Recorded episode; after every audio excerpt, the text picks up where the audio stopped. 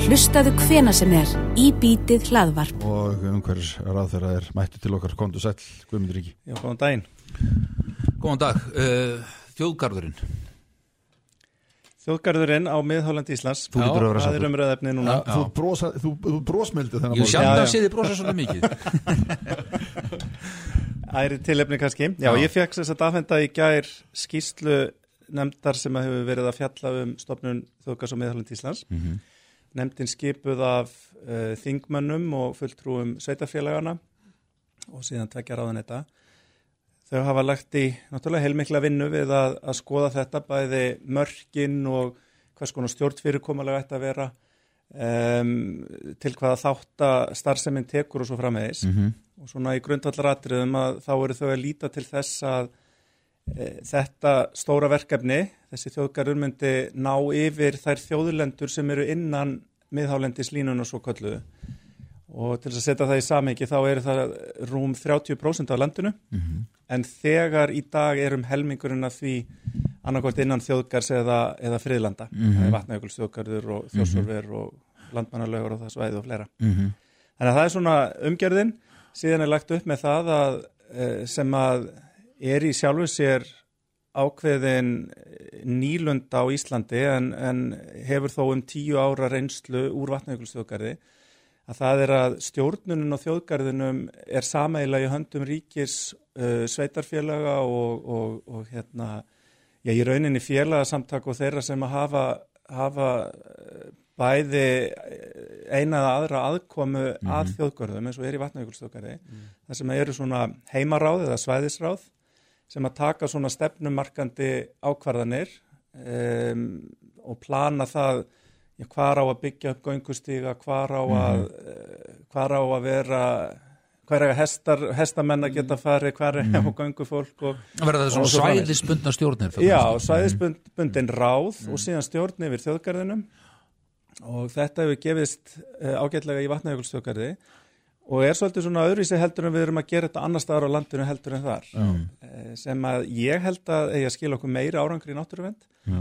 vegna þess að fleiri koma að málum uh, fyrr og það er, ætti þá að myndast meiri, meira eignarhald í því verkefni sem að verið er að vinna. Þannig að svæðið stækkar sem að má ekki girða og loka vantalega þá eða eitthvað. Já, ég menna þjóðgarður þýðir ekki að þú girðir eitthvað svæði af og, og lokir því. Þjóðgarður þýðir í rauninni uh, svæði þar sem að uh, er verið að taka á móti fólki. Já, Nei, ég menna jarðar eigendur sem að eiga eh, jarðir sem er líka að þessu þjóðgarði. Já, já, já, já. Þeir, Nei, nei, þeir, það, þeir með ekki loka. Það er ekki, það er ekki þannig að, að það sé endilega verið að girða það svæði af. Sennilega er það nú í fæstum tilvikum. Þannig að það er svo sem engin breyting á því.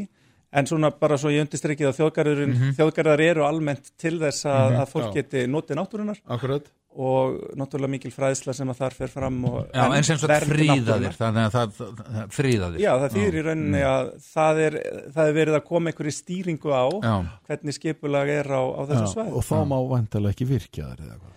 Já, það er mjög mismunandi hvernig það er. Sumir þjóðgarðar erlendis eru þannig að það eru virkjanir sem að þegar hefur verið ráðist í innan slíkra þjóðgarða og það sem að nefndin er að teikna upp er að þeir þjóðgarðar, nei, að þær virkjanir sem að nú þegar eru fyrir hendi innan þessa þjóðgarðs, að þær verði þar bara áfram, sé hægt að ráðast í viðhald og endur nýjun á þeim. Og svo leggur nefndin það til að það sé miða við þær áallanir sem að eru uppi hjá stjórnvöldum hverju sinni varðandi þessi mál. Þannig að það er svona þær leiðbenningar eða, eða svona þær, uh, uh, já þau svona sjónamið sem að koma fram hjá, hjá nefndinni. Já, þannig að nýjar virkjanir koma ekki til greina. Já, eins og nefndin leggur það upp, þá fer það í rauninni eftir Já. því hvaða ákverðun alþingi tekur í þessari svo kallu rammaáall. -hmm. Og ef við lítum á hana eins og hún er í dag, frá 2013, að þá er í rauninni engin svæði inn á hálendinu sem að eru í svona þessum svo kallega nýtingaflokki sem að má ráðast í. Um, en síðan náttúrulega getur það breyst, þannig að hins vegar þá held ég að þegar við erum að tala um þjóðgarð að hann, hann er náttúrulega svæði þar sem að við erum að reyna að lámarka rask á náttúrunni eins mikið og hægt er og er náttúrulega alltaf ákveðin svona, hvað ég að segja, vörd gegn því að sé ráðist í umfangsmiklar breytingar á náttúrunni. Má bara ekki segja að Ísland er svo sérstakt að það er bara allt saman ætti að vera þjóðgarður. Það reynda þú sumir sem, að að, svona, sko. að vilja meina það en, en hérna ég held nú reyndar að það sé betra að hafa þá nokkra og dreifu það um landi Já. þannig að, að hérna, það sé svona skinsanleira. Já. Svo er annað sem að hefur verið í þessari umræðu sem að kannski hefur farið mishátt og það er í rauninni, sko náttúruvendin er eitt og hún náttúrulega, allan í mínu hjarta skiptir gríðarlega miklu máli í þessu samingi Mm. en það er í rauninni þau efnaðslegu áhrif sem að eru af verkefnum eins og þjóðgörðum og öðrum friðlistum svæðum og það er rannsók sem að Hagfræðistofnun Háskólans gerði fyrir umhverfisræðunetti í fyrra sem er að sína það að fyrir hverja krónu sem að hefði ofinbera setur inn á friðlist svæði í rekstur og uppbyggingu eru 23 ára að skila sér tilbaka til þjóðfélagsins. Og náttúrulega- Einhver kynna spyrja, hvernig má það vera? Hva, hvað? Já, þetta er í rauninni, rannsóknin eða úttektin, hún gekk út á það að það er farið á staðinn og talað við fólk sem að heimsækir og það er spurt, ert að koma hingað í þeim tilgangi að fara í þennan þjóðgar? Já, ég er að koma hér og svo er ég að fara á þennan og þennan og þennan stað. Þá síðan er spurt hvað ert að eða miklu?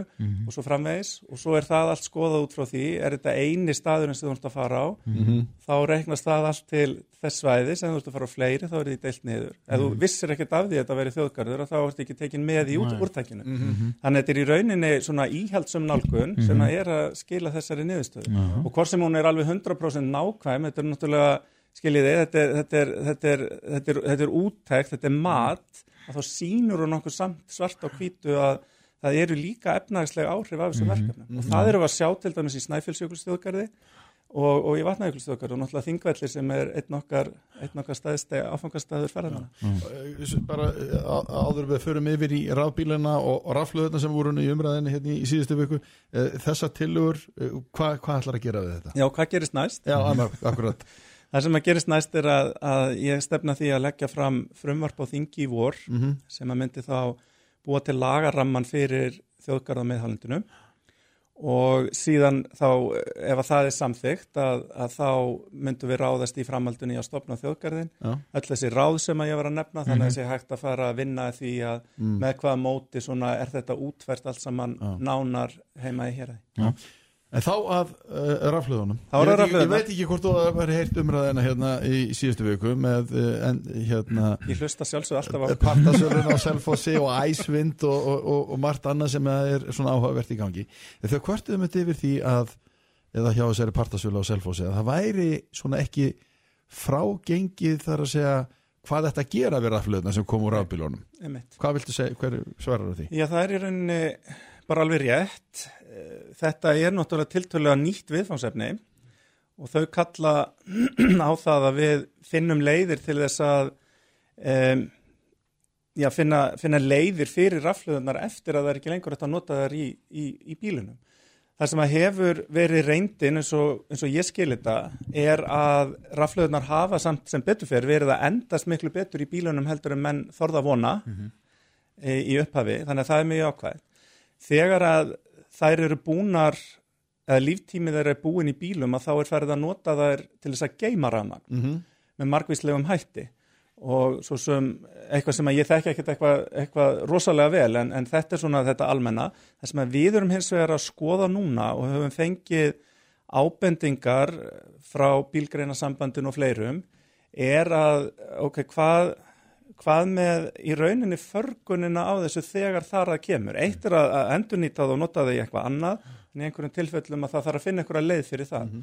Og við heldum nú allstóran fund núna í, í fyrra, eða sérst í voru á þessu ári með helmerkum aðilum til þess að fara yfir þessi mál og í kjölferð að því að þá hef ég núna óskað eftir tilnefningum í starfsóp sem að á að fjallum þetta og væntalega er það þá hlutverk úrvinnslusjós að fá þetta inn í sitt kerfi og um, þannig að, að við myndum uh, mögulega gera það í gegnum þá þess að svo kallu framleiðenda ábyrð mm. og þá myndi það ganga bara inn í það kerfi sem að úrvinnslusjóður hefur. Og það held ég að sé skinsamlegt, það er kerfi sem hefur virkað vel og, og hérna þannig að við náum uh, utanum þetta í þessari stóru byltingu sem er að verða sem að er mjög mikilvægt og nöðslega. og margar hliðar eru á uh, Margar hliðar á eins og öllu öðru. nákvæmlega og, og stundum verð við uh, almenningur óþólin móður Já, yfir því hversu hlutir þið ganga hægt það nú verið að þrýst okkur aðeins út í það að kaupa rafbíla og svo framvegis en svo eru bara innviðir ekki klárir eins og uh, hlæslutækin og svo framvegis og svo framvegis Já. eru þið, eh, sko, ef ég spyr bara fyrir hönd almennings Já. er verið að vinna á fullu í þessum hlutum Já, fyrir svona, alltaf sé ekki þrjár vikur að þá tilkynntum við Þórtís Kolbrún yðnaðar á þeirra um eh, stór átak í hlæðslustöðum út um all land sem er að fjölga þeim hlæðslustöðum sem að ríkið hefur stött við um 40% út um all land og þetta eru nýjustu hraðhlæðslustöðarnar þar sem er að hlaða í rauninni miklu á, á meiri hraða, me- meira rafmagn á minni tíma sem að fer inn á bílinn. Mm um, það er að koma tæknilegri bílar eða bílar sem að draga lengra þannig að eh, eins og ég held að Sigurður Ingi Friðlefsson hérna orkusetri sem þið hafi kannski eitt um að tala við hann hafi orðað að það er engar afsakanir lengur. Nei. og ef við horfum á borgina og sérstaklega og, og, og, og, og bæi þar sem að er kannski um, þar sem við erum með fjölbýlishús Akkurat þá er það ákveðin áskorun að takast á við það. Við erum núna að það frumvar sem að fjármálar á þeirra mælti fyrir á þingi í gær sem að gerir ráð fyrir því að virðisaukaskattur verið feldur niður af hlæðslustöðum við heimahús sem að er svona viðleitni til þess að íta undir þetta gangi hraðar og það verða áfram þessir afslættir og niðurfellinga og virðisaukaskatti Hver er það ekki það gildi? Þetta átaka gildi um áramót, ég man ekki hvort þetta var, akkurat þetta var um áramót eða fyrsta júli en þetta er þá allavega á, á næsta halva árinu. Þannig að það er verið að búa til þess að kvata til þess að íta undir að þetta geti gerst hraðar. um, sumstaðar í heiminum að, og ég þekki það ekki alveg hérna á Íslandi en ég veit til dæmis í Noregi þá, þá hefur verið bara byðröð eftir að fá bíla. Þannig að þetta er líka framleiðslumál en það held ég að fara að breytast líka því að kröfurnar á bílaframleiðendunar eru að aukast alveg gríðarlega mikið. Og svo er annað sem að, maður verður að nefna að það er í rauninni um, að við erum ekki að nýta metanið nógu vel. Já, með mynd og uh, þegar við sé það í fréttum undarfærið að, að við erum að í rauninni brenna uh, þetta auka metan sem að er sem sagt, við gætum verið að nota á bíla. Og það er, það er svolítið skrítið af hverju neytendur hoppa ekki á þennan vagn vegna þess að hann er hansi, hansi góður líka. Það var kvartað við því á sínu tíma það var of dýrt, það hækkaði það var of stutt bil á milli Já. metan og bensín. En það er ekki lengur, því að nei. ég held að, ég var að lesa það í frétta emitt sem að Sigurður Ingi Freilefsson var að tala í að, að það væri mun ódýrara heldur en, en bensín og dísil. Já, Já, eh, fósættisir á þeirra tíu sekundur eftir fósættisir á þeirra er að fara á ramaspíl en þitt ráðan Já, já, já, við erum á leiðinni þangað. Þú takk, Guðmundur Ingi, takk fyrir komuna Takk, takk. Hlustaðu hvena sem er á í bítið hlaðvarp. Já, við heyrðum að því að fyrsti raflínu veiði báturinn, hann verði komin vandarlega á sjó bara eftir ör uh, fá ár og við erum að tala um alveg frá bát, sko. Já, og í, í Kaliforníu, í Silikon dalnum er Ármann uh, Kojic, káttu sæll og góðan daginn Já, góðan daginn. Góðan daginn frá Greenvolt fyrirtækinu, þið ásamt Navis ekki satt, ha- hafi verið að hanna þennan bát eða svona bát, rafbát. Jú, mikið rétt. Þetta er alveg rosalega spennandi verkefni af því að við erum að nálgast batteri frá öðrum vingli. Við, í staðin fyrir að búa til svona hefbundið þungt batteri sem fyrir miðjuna á, á bát eða bíl eða síma eða hver sem er, þá felum við batterið inn í byggingarefni. Og við gerum það með mjög svona áhugaverð nanotækni og, og, og svona alls konar, alls konar snúningum sem að, mun bara gjör breyta því hvernig maður býr til vörur framtíðarinnar. Er það að segja þið felið gaman bara í bodyinu fyrirgjöðu?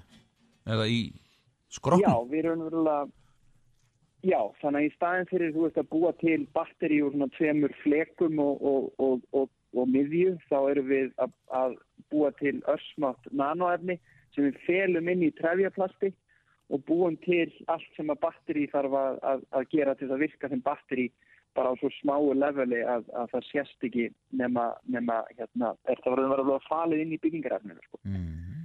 Þannig að veist, þetta spara náttúrulega rosalega mikið pláss og ísli og, og, og svo framvegist þannig að hérna, og breyti því hvernig maður getur hanna vörur. Mm. ef- hvað, ma- maður nú bara kemst ekki alveg, sko næri ekki utan við hvernig þetta geti virkað í sjálfum sér, en eru þið búin að, að prófa þetta, hafið þið haft tækifæri þess að prófa þetta? Já, báturinn sem við vorum að sigla núna í, í höfninni í Reykjavík Mhm. er, er búin til úr þessu, þessu efni. Þannig að hann er, hann er umverulega, það, er ekki hefbundin batteri í þessum bát. Það er bara trefjaplast sem er búið að skeita saman Mm og, og trefjaplastið geymir orkuna og kemur í veist, þannig að ef maður setur þetta í samhengi við rafmaksbíl þá erum við með það sem samsvara tveimur bílsungum í, í aftursætinu sem eru batteríin lína því þau eru rosalega þung og óhendur -hmm. og, og með því að nálgast þetta bara frá allt öðrum vinkli þá, er, þá er hægt að fara að, að samena þessa hluti og fara, fara að hanna hlutina í kringum það sem, að, það sem er sniðut fyrir notendan frekar endur en það sem er, er þú veist eins og ég meina bara síminn er bara eitt reysastórt hulstur út um batteri Mm. og það þarf ekki að vera svo leis við, við höfum að geta hanna vörur með, með miklu meiri tilgangi heldur en þetta sko. En, en, en, þetta er mjög spennandi sko. já, en, en þegar kemur að síðan að förgun eða, eða endur nýta þetta, er það ekki þá miklu meira mál þegar þú ert búin að setja þetta inn í vöruna sjálfa? Jú, ef við værum að nota sömu efni og í hefbundi batteríum þá værum við í svolítið slæmum málum. En við erum ekki að nota þessi hefbundi efni hérna, sem, sem eru í batteríum sem eru hættilega umhverfum. Við erum að nota efni sem eru sem að, sem að geta farið út í umhverfið án þess að, án þess að menga það og, og bæði í framleiðslunni og í, í eftirvinnslunni þegar að því að, því að þetta er umverulega framtíðin. Við erum að ganga á borðan af þessum, þessum, þessum efnum sem fari í hefbundin batteri og við verðum að bara breyta algjörlega um stefnu til þess að, til þess að gera eitthvað nýtt og, Mhm. og, og bara horfa á þetta með svona nýju öðruvísi viðfæri og stundum þarf eitthvað svona frumkvöla fyrirtæki að gera það frekar en, já. frekar en, en eitthvað, eitthvað, eitthvað, eitthvað eldra batterísfyrirtæki. Já, og, og hvernig er, er svona, eins og svona bátur endurhlaðin þá? Hann raunverulega bara er hlaðina á sama máta og, og venjulegt batteri. Þú ert raunverulega bara með, þú ert búin að, að sko, setja víra inn í trefjaplastið og þú ert búin að setja svona uh, ákveðna aðferð til að leiða rafmagn í gegnum, gegnum trefjaplastið og, og, og ná þessari virkni. Þannig að í staðin fyrir að, að venjulegt batteri nota lithium-eindir sem fara frá einum hluta yfir í annan og við notum sodium-eindir sem að eru, eru þetta hljóma náttúrulega allt bara eins og kínverska en, en það sem að hérna Ég náði eindir. Já, nákvæmlega hérna, og, ég er náttúrulega líka rosa vanur að tala um þetta bara á ennsku sko, en, en, hérna, en þetta er, veist, þetta er framtíðin sko. þetta er alveg, Mm. alveg gífulega, spennandi að, að geta veist, tekið þátt í einhverju svona, svona byltingu og ég held að við eigum að byggja þessa byltingu frá Íslandi því að, því að við erum með umhver, umhverfisvæna orku og það er þá ekkert svona kólefni spór við, að- við að hlaða eða búa til batterín Já, og það er bara rosalegt markastækifæri að, að vera Já. leiðandi í rafmaksbátum í heiminum og, Mm. og, og vera þekkt fyrir það að búa til umhverfisvæna báta mm. sem að, sem að leggja grunnuna því hvernig, hvernig bátar eru hannaðir í framtíðin. Já, en Ármann, er, eru einhver mei, meiri áttar vandamál sem þið hafið þurft að fara og komast fyrir í, í þessu öllu saman? Já, sko, náttúrulega ástæðan fyrir því að við erum til dæmis að velja bátskrokk sem, sem leið til þess að, sína tæknina er að, að, að eh, núna vinnur það með okkur að hafa sem mest hérna, pláss fyrir, fyrir batteri efni og eftir því sem að batteri tæknin okkar verður öfluri og, og batterín geta geimt meiri, meiri orku þá getum við farið í smerri og smerri tæki þannig að veist, það er, er umverulega núna, veist, eru, eru þessi batteri sem við búum til þau endast rosalega vel, þau hlaðast mjög hratt og þau eru umhverfsvæn, en þau eru ekki með sama hérna, orkumagn og, og lithium batteri Mm en, en það kannski skiptir ekki eins miklu máli í þessum stærri, stærri hlutum eins og, eins og bátum eða, eða, veist, eða ímynduðu ykkur bara flugvel þar sem að hvert einasta sæti í flugvelinu væri búið til úr batteríefni. Mm. og þú getur verið að hlaða símandinn með efninu sem er í, er í, er í stólnum. Veist, þetta býður upp á svo marga möguleika í, í hönnun og, Mm. og, og því að svona hugsa út fyrir kassan hvað, hvað er Mhm. mögulegt með, með veist, hvað við geymum orku og hvernig við notum hana. Eða þú, mínútan sem þú byggir húsið þitt ætti það að vera bara tilbúið með, með sólapanelum og, og batteríum inn í byggingarefninu. Þannig að þetta er, þetta er svona öðruvísi sína á þetta allt saman. Fyrir spurningna frá hlustanda sem er að hlusta okkur út í bæ eh, hvernig, þú skiptir ekkit um batteri í svona, eins og í svona báti er þetta ekki þar sem að báturinn er bara raflaðan eða batterið? Nei, en það sem er umverulega velur sko notenda, hérna, þú þú velur hérna vörur sem að, sem að henda því hvað þú getur, getur nota batterið mikið. Við, Mm. við getum hlaðið okkar batteri og svona 50.000 sinnum sem er svona um það sem þú fast fyrir eitthvað eins og eins og bát, en leiðin til að koma svona tekn og markað er líka svo að nota þetta með öðrum batteríum til þess að byrja með, því þá Mhm. þarf fólk ekki eins mikið að klóra sér í hausnum við því hvernig þetta getur virkað og þarf ekki að treysta eins mikið bara á eitthvað sem þau þekki ekki en þá smátt og smátt þá raunverulega tekur þau yfir uh, tækinu eftir því sem að þitt batteri Já. fólk vera að venjast til betur að, að nota þitt batteri sko. Já. Já. En, en sko siglingin, eh, hvað getur þú silt svona bát langt og lengi? um, þú, þú raunverulega þann, þannig að það fer eftir, eftir, eftir stærðinni á, á, á bátnum og svo framvegis en það sem þú eftir raunverulega bara að gera er að þú ert að taka uh, notkur, þú ert að taka það sem þú, þú, setur eins mikið efnu og þarft fyrir það sem, að, það sem þú ert að nota bátinn í. Mm. Að, veist, og, og, þú- og hver einasti sko, millimeter getur raunverulega gefið þér auka, auka kraft Þannig að við erum að tala um, og þú ert, líka fyrir árum ég ætla bara að spyrja, eh, eh, þannig að þetta eru 100% rafbátar, er ekki, þetta er ekki tengiltvinn eða, eða eh, svoleiðis, það er að segja bensínmótor eða, eða dísilolíu mótor um borð.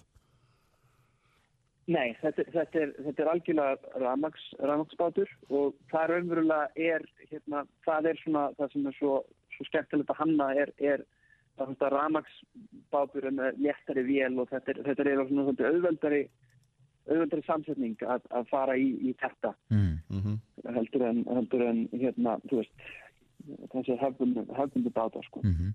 Já, það verður gaman að við fyrst og fremst, já, fyrir ekki, Ég ætla að segja að það verður gaman að fylgjast með þessu Ármann, Eh, það má ég að segja að framtíðin sé bara komin þetta í, eh, og, og það meir enn í heimsókn eh, og, og bara gangi ykkur mjög vel með þetta og hvenar reikniði með hvað eftir þrjú ár þá geta hann verið komin tilbúin eða hvað, línubáturinn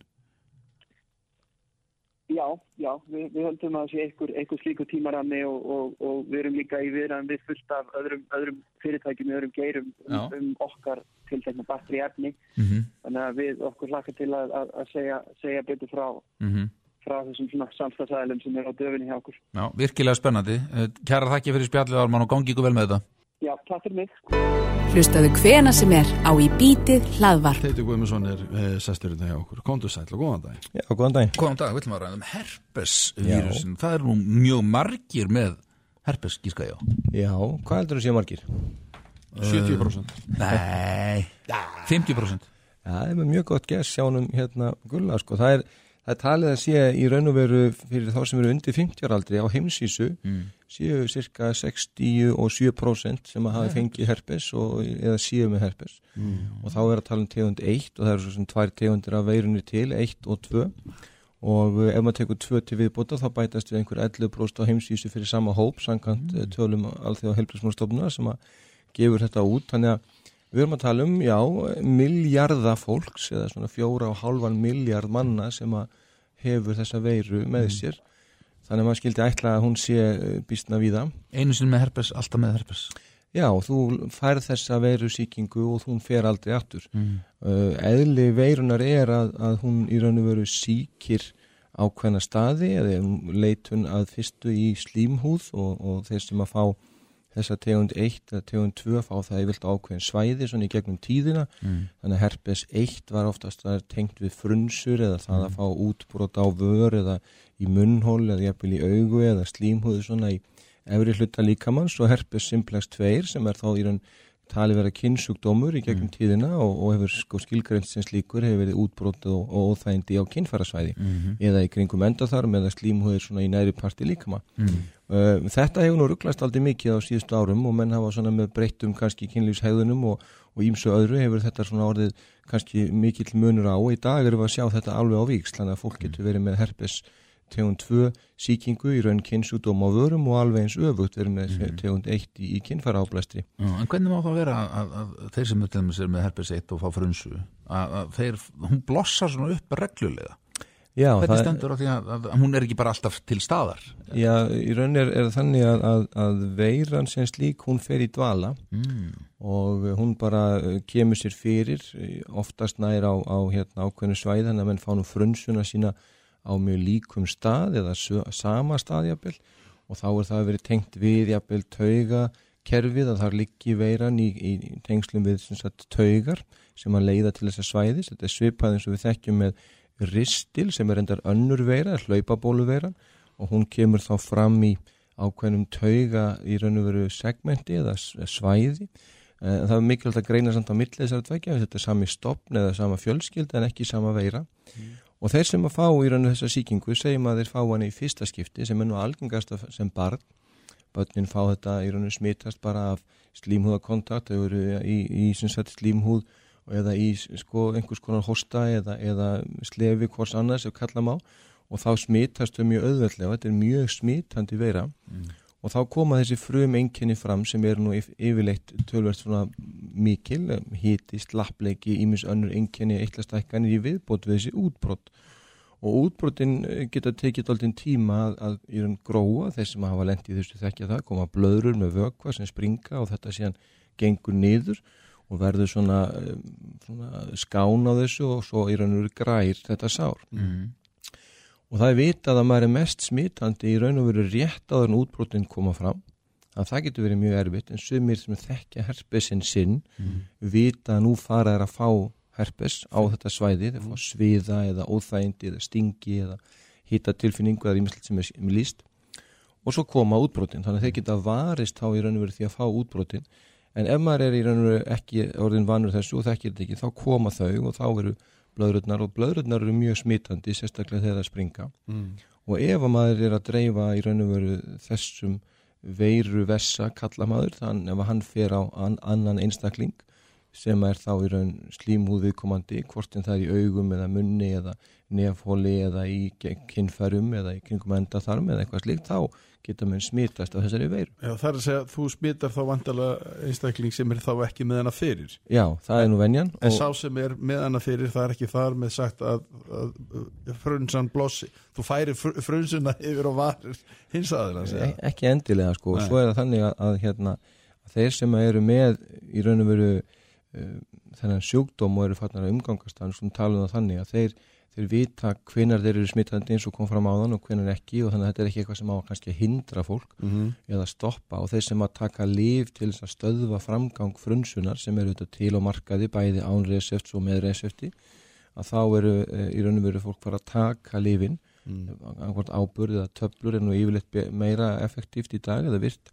Já. og þá eru menn búin að koma í veg fyrir útbrotin sjálf og minka tímalengdina sem er þá svona mikið smittandi Já, og þetta er einmitt það sem að maður tekur þegar maður finnur fyrir þessum engjunum sem hún nefndir að stingur eða hitti já, já, flestir gera það sem þekkja einkennin Mm. og það gildir nákvæmlega eins með frunsu eða veir, veiru sýkingu í munnhóli eða í sem sagt, kynfarasvæði Mm. að, að þetta er í raun og veru með svipuðum hætti og er svipað smitandi. En það eru sumir einstaklingar sem að fá í sjálfu sér ekki útbrot og mann geta verið smitandi líka þess á milli. Mm -hmm. þannig raun og verum að segja að herpes í raun veiran sé smitandi alltaf en mismikið. Og, og það er þá líka þannig að þeir sem eru sérstaklega viðkvæmi fyrir smiti til dæmis þeir sem eru ónæmisbældir þeir sem hafa langgengin sjúkdóm eru ónæmisbælandi livjum þeir sem eru með krabbamein HIV sjúkdóm og áttar eh, það eru einstaklingar sem eru í aukinni áhættu á að smitast og fá Mm. þá alvarlegri sjúkdóm Mm. að því að herpes getur líka farið á annu svæði ef að, ef að, ef að menn eru á þeim stað upp í Mm. heila og inn í líffæri og valdið ýmsum uh, miklum skada í raun ef að, ef að Mm. fara að blossa upp Er möguleiki að, að manneskja gangi með hennar vírus og hann sýnir sér aldrei? Já, það er mögulegt og, og er, þessna hefur verið umræð um það og þessna er svona margi smitt það er að, að, á heimsvísu umræðan hvort það er að skima eða skoða fyrir þessu en það hefur talið að sé ekki skynsalegt þetta er til til að einföld greining þegar maður í raun og veru færi einstakling með enginni og tekur sögu og skoðun. Það hefur ekki verið einn blóðpurfa sem hefur verið sett fram í að, að átta sig á þessu. Það eru dýrar og það eru ekki endilega alltaf að sína eða segja alla söguna. Og síðan er þetta strók úr útbroti þar að segja ef að þú ert með bólútbrot þá þarftu að fá strók sem að í raun staðfesti þetta það er, mm. það, það er alls ekkit alltaf gert að því að klínisk greining er býstna góð mm. Getur hann vírusin komið fram sem munnákur líka þá?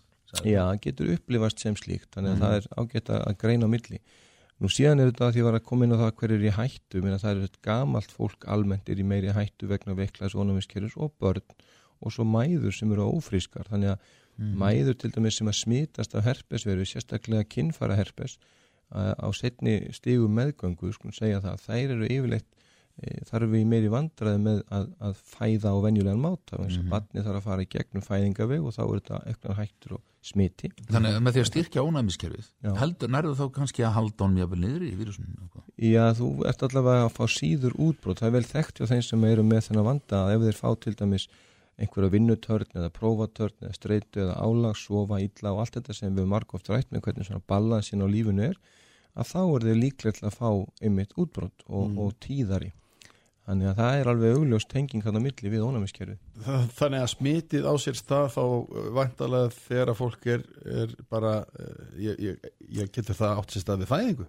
Já, getur gert það, oftast er þetta náttúrulega með tegundi eitt þegar krakkar eru bara ungir og í miklum kontakt. Mm. Og, og stundum er þetta alls ekkert greint og það veit engin sérstaklega neitt um þetta. Batni sem bara elst upp og er ekki að fá henni útbrot og máli er umverulega bara afgreitt mm. þannig, það er samt með veiruna í sér. Eh, það sem kannski er meira máli er, er þeir sem eru að, að fá þetta svona þessa frumsýkingu og verða svona ofsalega veiki, þeir muna það nú. Mm -hmm.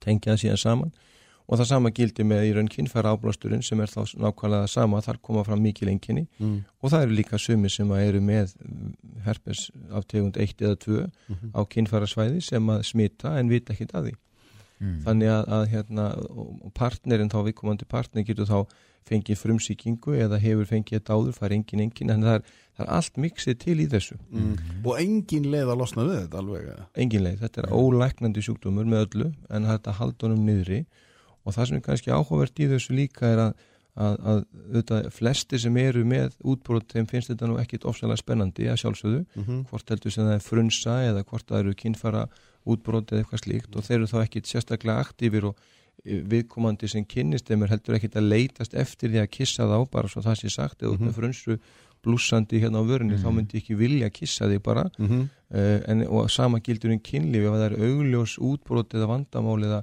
verkir og sviði og óþægindi þá er fólk ekkert að fara á stað í, í kynlífsatöfn yfir leitt sko. mm. þannig að það dregur að sjálfsögða þá smithættu en það eru bara svo margi smittar það er næstu því bara já, uh, já 70-80% 80% með þetta hvort þið er sko. Já. En stundum séum að fólk með frunsu sem hefur borðið á sig svona kvítan hvít krem sko, er það að virka eitthvað? Sem að stundum heyrum að fólki að þetta sé ekki gera neitt Nei, margir, það er allsken svona home remedies til sem að hafa nú mismundi mikla verkni sko, mann taka verkjalið, menn þar í bað, það, það er verið að nota einhvers konar gel eða krem eða eitthvað slíkt en oft sem að það er endar í því virkefni eins og mm. asiklófur hefur verið til lengi það er verið að, að minka þrýsting á svæði, verið ekki þröngum fötum eftir kynfara áblástur og svo framvegis mm -hmm. og, og síðan er náttúrulega stundum notur deyfi krem, það fólk sem fær mjög afgerandi útbrót á kynfærasvæði getur ótt mikið óþægndi að pissa til dæmis og allt mögulegt slíkt og þá mm -hmm. nota mjög stundum deyfikrem en þannig lækningin er umvel ekki til mm -hmm. en, en lifin sem við gefum eru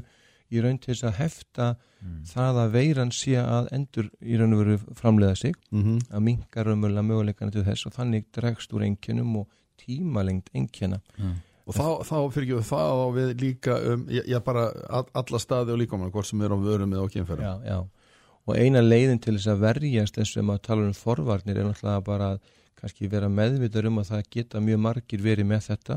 Vera meðvitað um hvað enginn að gefur og passa sér vel. Og ég minn í, í kynlífi með einhvern sem þú þekkir ekki að þá náttúrulega notar smokk, það er auðvitað að segja sér sjálf það er mm. eðlilegast að forvarn í heimi. Og, og eða kemur ekki að í raun og veru vera í kontakt þegar því grunnar eða hefur áhyggjur af þessu. Mhm. sama gildi með í raun og veru frunsur eða eitthvað slíkt. Mhm. og það er ekki þannig að þetta verður eitthvað feimnismál heldur að segja frá. Að til dæmis ef þetta kynnast einhverjum og hann er með þennan sjúkdóm, hann ætti náttúrulega að láta vita. Fullt af fólki sem fer út á lífið og er að kynnast hvort það eru tegund 1 eða 2 eða hvort það eru efrið eða neðri vandi um Mhm. kvölduna bara það að, að þá ættir að láta vita og þannig að viðkomandi verði ekki hissa eða hlessa og geta þá útskýrt um hvað þetta snýst Mhm. og, og að öllum líkindum sé maður bara með þetta sjálfur á þess að gera lítið úr því sko en það er bara mjög algengt Blossar þetta eitthvað upp í kul- kulda frekar heldur en he- heita, eða skiptir það ekki máli? Já, það getur verið meira ála í kuldanum en, en eins og ég segi Mm. það er, það er ef, þú- þú til dæmis hérna, ert í sólbaði að tala um þá getur verið ítt undir þannig að þá þotnar húðin þannig að það er mikilvægt fyrir þá sem er til þess með áblástur á vörum að nota þá eitthvað sem að ver þær Mhm.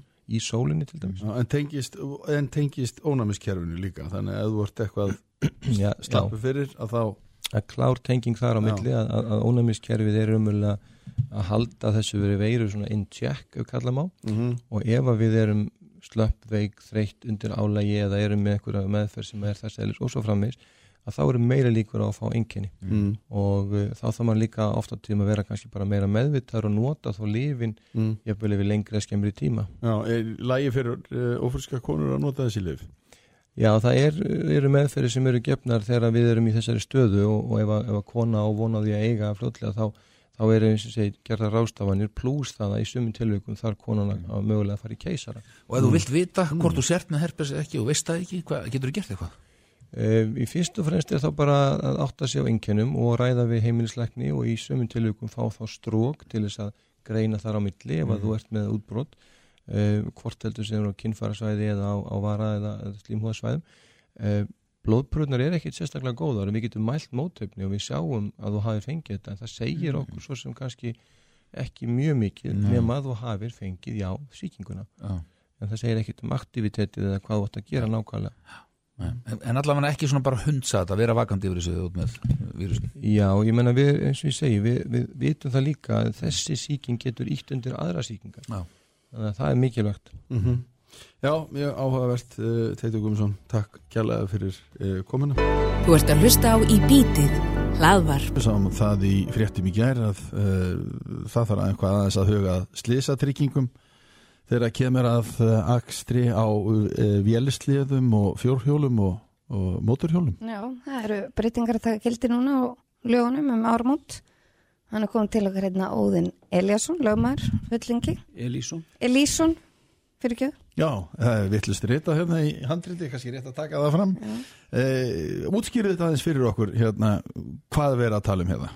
Já, ég ætla að byrja bara að takk fyrir að bjóða mér vegna þess að þetta mál er þess eðlis að það er já, vekur verulega fyrðu mína að, að þessi breyting á, á lögum um aukutæki sem er að verða, taka gildi núna um ármótin hún felur það í sér að, að hérna, það er afnumin skilda til þess að vera með trygg slistringu ökumás og eiganda á uh, vélsliðum, fjórhjólum, krossurum. Uh, það hefur verið þannig frá 1988 að þessi skilda hefur verið fyrir hendi og rökin fyrir því að þessi skilda var sett á eru hættuleikar þessar tæki, þetta eru hættuleg tæki. Bara vélknúinu aukutæki eru hættuleg. Og það eru megin rökin. Og þegar þessi lögur er sett 88 þá var búið að berjast mikið fyrir sem það sem staðan sem var fyrir þann tíma að það voru það var mikið álag á dómstólu vegna þess að menn leituðu ímis að leiða til að, að ná fram bótarétti fyrir ökumann eða lendi í slísum Mm -hmm. þannig að með þessari breytingu þá erum við að já, öruglega auka álag dómstóla og, og bara í kerfinu öllu. E, rökin sem ég séð fyrir þessari breytingu líki því að þetta séu bara leiktæki og það eigi bara að vera mannu valfrjóðskorti tryggjaðu þau ekki. Það, þau rök duga svona einhverju leiti en menn gleyma því að það eru stórir hópar sem nota þessi tæki ekki sem leiktæki. Og þá skulum við bara byrja á bændum, hjálpasveitum Mhm. verktökum þessu fyrkjast með ramaslínum og öðru slíku. Það er verið að nota þessi tæki í atvinnuskinni ég þekki þetta bara ein raun. Ég hérna, nota fjórhjólu mikið í sveitinni í mínum bóndastörfum Mm -hmm. við gyrðingavinnu eða fjárrægi eða í kringum hross. Þannig að bændur nota þetta mikið. Þannig að þessi rög eh, ganga ekki upp í mínum huga. Nei. fyrir utan það að hættu eiginleikar þessari tækja hafa ekki minkað ég myndi segja að þau hefðu aukist með bara þetta eru kraftmeri og stærri og öflur í tæki. Þannig að rökin og ég spyr til hagspota fyrir hvern er þessi breyting ekki fyrir neytendur mm.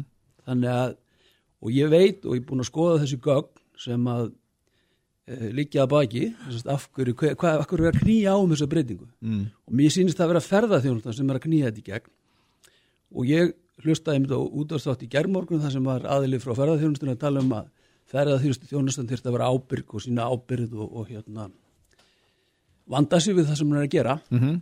og ég spyr bara hversu ábyrgt er það að, að vera með til dæmis velsleðalegu eða fjörhjólalegu og fólki sem er á hjólunum ökumennir er ótriður Býtu, er þetta tilfellið?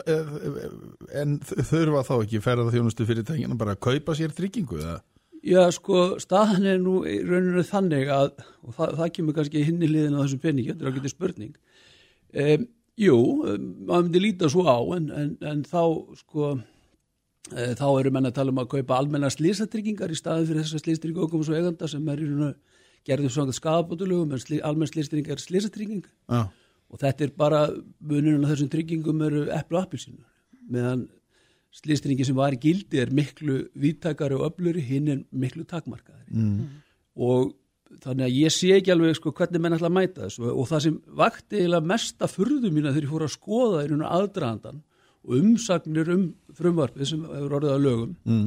er í raun og veru að til dæmis tryggingafélag lögðust ekki í gegn þessu heldur í raun og veru fór þetta bara í gegn og þau gerði enga sérstakar aðdóðsendi við þetta Flögu þetta bara undir ratari fólki eða Já, ég, sko, það er þannig að við Íslendingar erum alveg svakalega illa áttaður í tryggingum. Menn hérna, átta sig bara ekki á því hvernig þetta virkar og það er svo sem ekkit óeðilegt en þess þá heldur er ábyrð tryggingafélag og, og lögmanna eins og mín sem þekkir sviðið og ég líti einfallega á þetta sem bara samfélagslega ábyrð að minni hálfu að við ekki aðtryggla þessu vegna þess að það er eitt að setja þessi lög og afnema þessa skildu og, og menn eru ótryggðir. Það í sjálfu sér, jú, jú, það, það, það getur gengið upp, sko. En þegar fyrsta slísi verður, það sem ekkur fyrir upp á langjökul og vélsliða og ryggbrotnar og áttast því hann er ekki tryggður, hvað þá? vöktuðu aðtekla á sig þegar að máli var til meðferðar en á þingi? Nei, ég verð bara að viðkynna að þetta fór algjörlega fyrir ofan gardunni en ég bara vissi ekki að þessu sem er uh, ferlegt að segja en það er þannig, þetta fór framhjá og ég bara áttaði mig ekkert á þessu. Já. og hefði svo gjarna viljað vekja aðteglega og koma fram með þessi sjónum sem ég er ekki komið fram hér. En sko, það er eitt að taka þessa skildu en það er, hitt er kannski verra að, að flest tryggingafélögin hafa tekið það ákvörðun að þó að ég vilji kaupa þessa tryggingu slýstir ykkur ökum og svo eiganda á mín fjórhjóliða vélsliða þá ætla ekki að bjóða upp á það Já, þannig að það er bara, verður ekki hægt að tryggja fólk. Jó, það, er, það er allavega eitt félag sem mun bjóða upp á þetta Já. en ég spyr hvernig verður það kynnt vegna þess að hinn almenni neytandi hinn almenni eigandi þessara tækja hann gerir sér kannski ekki grein fyrir þessu Mm. En er það ekki þó þannig að ferðarþjónustu fyrirtæki þurfa að láta uh, hérna, ferðamennina skrifa upp á það? Að þeir eru ekki tryggðir og, og þeir eru þarna á síni einn ábyrð? Jú, og það verður sjálfsagt sett inn í bara þennan einblöðung eða hvað það er sem er með alls konar uh, upplýsingum að þú ert að taka ákvæm á þetta og gera þetta þína einu ábyrð og allt þetta. Mm -hmm. Jú, jú, það er, það er örgulega þannig og það, það gengur alveg upp. En ég spyr mér bara, þegar að verður slís, alveg slís og, og útlendingur sem er að sleðan sem slæsast átt að sig, hann er ótryggður. Hvar er orspós á þetta hjá þessu fyrirtækjum? mm. Hvar er ábyrðin? Mm. Þeir þekkja hættuna við notkuð þess að það er ekki betur heldur en nokkur annar. Hver er ábyrð þeirra? Mm það, það, ég finnst þetta sko og svo bara við tökum og förum inn í hver verður staðan eftir áramót þegar þessi lög þetta í gildi bara einu orðið slæm og, og staðan er þú að það er, að það er ennþá ábyrðatrygging á þessum tækjum ákvæð þriðja manni sem slasast Já. þannig að ef við gulli förum saman upp á langjökul Mhm. og þú keirir og ég sitt aftan á og við lendum í sprungu og slösund þá er ég tryggður úr ábyrðatringunni en þú ert ótryggður Mm. og svo er ennþá meiri flækjur eh, ef ég á sleðan og þú keirir þá erum við báður ótryggðir þú er báður ótriðir Já, að því ég er eigandi, þá gildir ekki ábyrðatryggingin um mig. Já, eigandi verður að keira sleðan eða? Já, sett, ef þú ert ekki eigandi sleðans, Já, þá verður þú að vera farþegi til eiga bótarétt. En ef ég læt því keira og sitt aftan á höður og við slösum spáðir, þá verður við báðir ótriðir. Þannig að þið sjáu stíið sér nú og, og það ástæða fyrir ég er að tala um þetta er það að ég er búin að vera í þessum skadabótarétti mjög lengi og ég hef einfallega unni fyrir fólk sem lendir í slísum á þessum tækjum. Og það er eðlilegast að tækja að slísin er oft alvarleg. Og ég hef unni fyrir einstaklingar sem hafa lamast í svona slísum. Og þá rýður bara baggamunin hvort átt rétt á skadabótu svo gætt skadabótulögum eða ekki. Í dag er þetta, eða eftir árandu þetta þannig að þú bara settur út á guð og gattin. Sem er svolítið merkilegt vegna þess að eðli trygginga er að jafn út áhættu. -hmm. Og þess vegna skil ég þetta bara ekki. Ég hreinlega bara skil ekki hvað er í gangi. Heldur að, já, þú, eins og þú segir að þú heldur að tryggingafélagin muni ekki bregðast við þessu og fara að bjóða upp á Ég vona það, Já. eitt félagi gerir það. hvaða félag er það? Að Ekki bara leiða þeim að segja fyrir því ég, ég vil ekki Leifa þeim að Já, auðvisa já, leiða þeim að auglýsa það, en, en, en það er þó allavega eitt félag Já, já, en um, ég um leiðsamt sko að því það sem gerist við það að þessi tryggingi tekin af, yðgjaldi á þessum tækjum lækkar mm. og mín tilfinning er svo að 90% af fólki hugsar fínt, þetta er bara að sparast yðgjöld sko. já. en ég segi alltaf að þú hittir tryggingafélag tvisvar sko, það er þú borgar yðgjaldið þitt og svo þú lendir í tjóni Mm og mér finnst skipta máli hvernig það er þegar þú kemur í tjóninu hvort þú tryggður eða ekki sko. Mhm. hvort þú borgar tíu skall meira eða minni yðgjald að, það er minna aðri heldur að eiga bótur eftir að maður slasast. Já, og það kannski, og, og að því við erum búin að nefna ferða þjónustu fyrir tækin hinga til, en þetta er náttúrulega fullt af einstaklingu sem eiga svona tæki og nota þau. Uh, þannig að þeir þurfa að fara að hafa já, allavega huga að því að tryggja sér sérstaklega þá. Já, það er ástæðan fyrir ég fer að stað. Já, ég vil einfallega vekja aðtíkla þessu. Mm -hmm. sem um, það verður vola leiðileg stund þegar ég fæ þig inn til mín Mhm. eftir að þú vil endi að slasa á vélsleðanöðinum og verða að segja að þú ert ekki tryggð út úr minn, sko, þetta virkar ekki. Og svo er það þannig með slísatryggingar aðra slísatryggingar að þær eru mjög margar með ákvæði eða skilmála ákvæði sem segir ef tjónið verður vegna vélknús aukutækis þá gildi tryggingin ekki. Nú, þannig að aðra tryggingar eru úti líka sko. já það er bara almenna slýstrygging sem getur verið inni. Gamla góða sem hann lesa smáa letrið. Já, eða bara leita sér upplýsingu Já, En svo myndur hún kannski einhverju segja að það væri þá bara, ef þú tekur ákvörnum það að eiga svona tækja, þá sé þá líka á þína ábyrð það gangur skugga um það að þú sér tryggður. já, það, auðvitað er það þannig en eins og ég sagði áðan mm.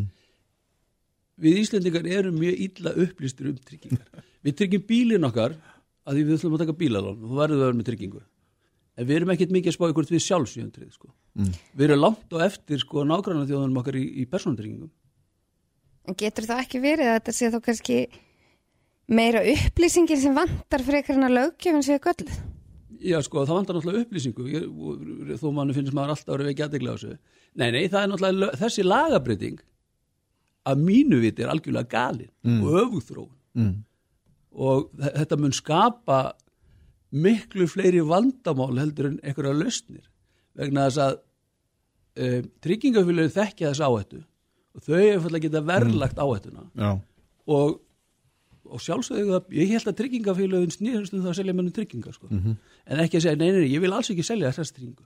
Ég bara heila að skilja þetta ekki. Já, mjög áhugavert og eitthvað sem að fólk þarf að kynna sér sem að á þessi tæki og hérna en uh, takk fyrir að vekja aðtekla á þessu. Óðinn uh, Elísson, uh, lögmaður hjá Földingi Takk fyrir komuna. Takk fyrir. Takk fyrir mig. Hlustaðu hvena sem er á í bítið hlaðvarp. En eins og þú sagðir, uh, þá er það fréttir vikunar og þau eru sest í okkur, Sunna Karin uh, reistjörði á fréttablaði.is og Friðrik Ómar, uh, stórsöngvari. Og frétta haukur og fréttahaukur komið þið sæl. Sælverði, Hvað uh, ber svona hæst? ef við byrjum hjá þér? viltu hæst í dag eða Já, ég hef ekki bara, jú, þessum það í dag hæst í dag er morgumblæðið held ég, þetta glataða morgumblæð sem kom út, ég bara á ekki til orð. Nú, byrju, byrju hvað? Við erum hérna með sögulegt fréttablað í verkfalli blaðamanna og brendmeirum og hérna tómblað í dag og svo bara fáum við morgunblæðið óbreytt. Býtu erum við að tala um verkfallsbrot eða hvað?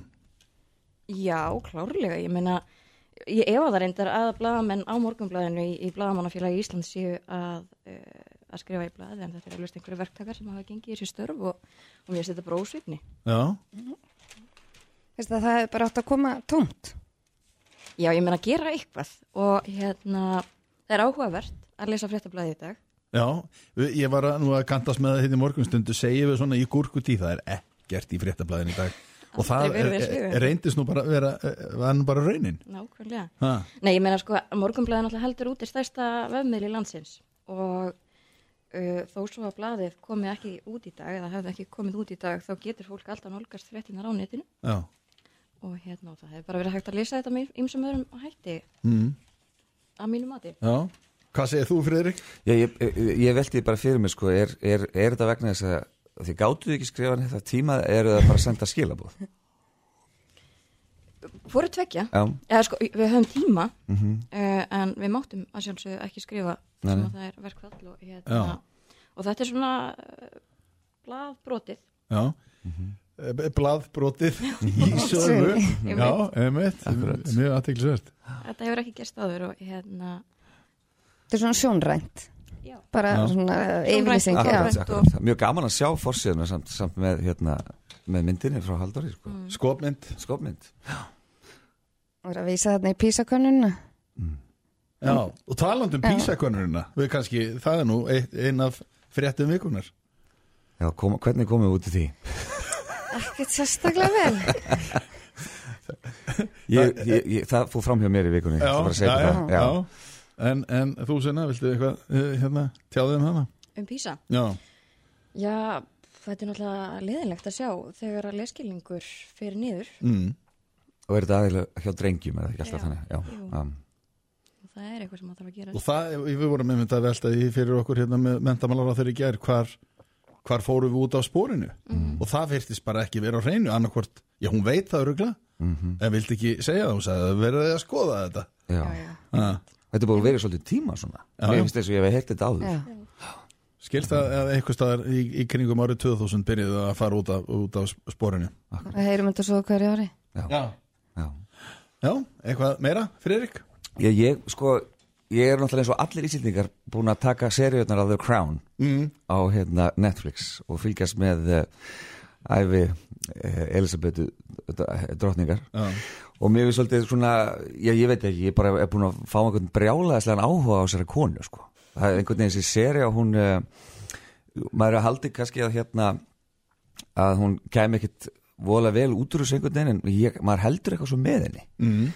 Eins og það finnst mér Philip, maður hann er algjör skítall, það er svo leiðilegur svaka, eru búin að horfa á þetta? Já ég er að horfa á þetta núna. Vistu, ég bara, þið verðið að sjá þetta en svo verðið að tala náttúrulega um hann í fréttu vikunar að, að hún ætli að stíga að, að, að stalli eftir cirka tvö ár þegar hún var 95 ára. Já, og talandu það bara hvað þessi kona er orðin erðn og flott ennþá, er að djóka.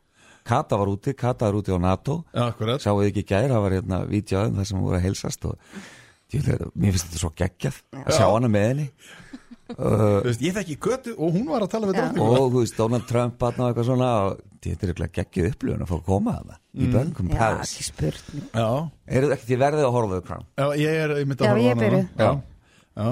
En, en, en, en að öðru leiti varst ekkert að pæla í þessum fundi eða hvað, eða bara nei, ekkert mikið, ég sá bara, þú veist, mér fannst gaman að sjá köttu þarna og, Já, jú, þetta er, er þetta ekki þessi árlegi stóri fundur sem það haldi alltaf? Já þetta var svona Það er eini stóri sem ég held að. Þetta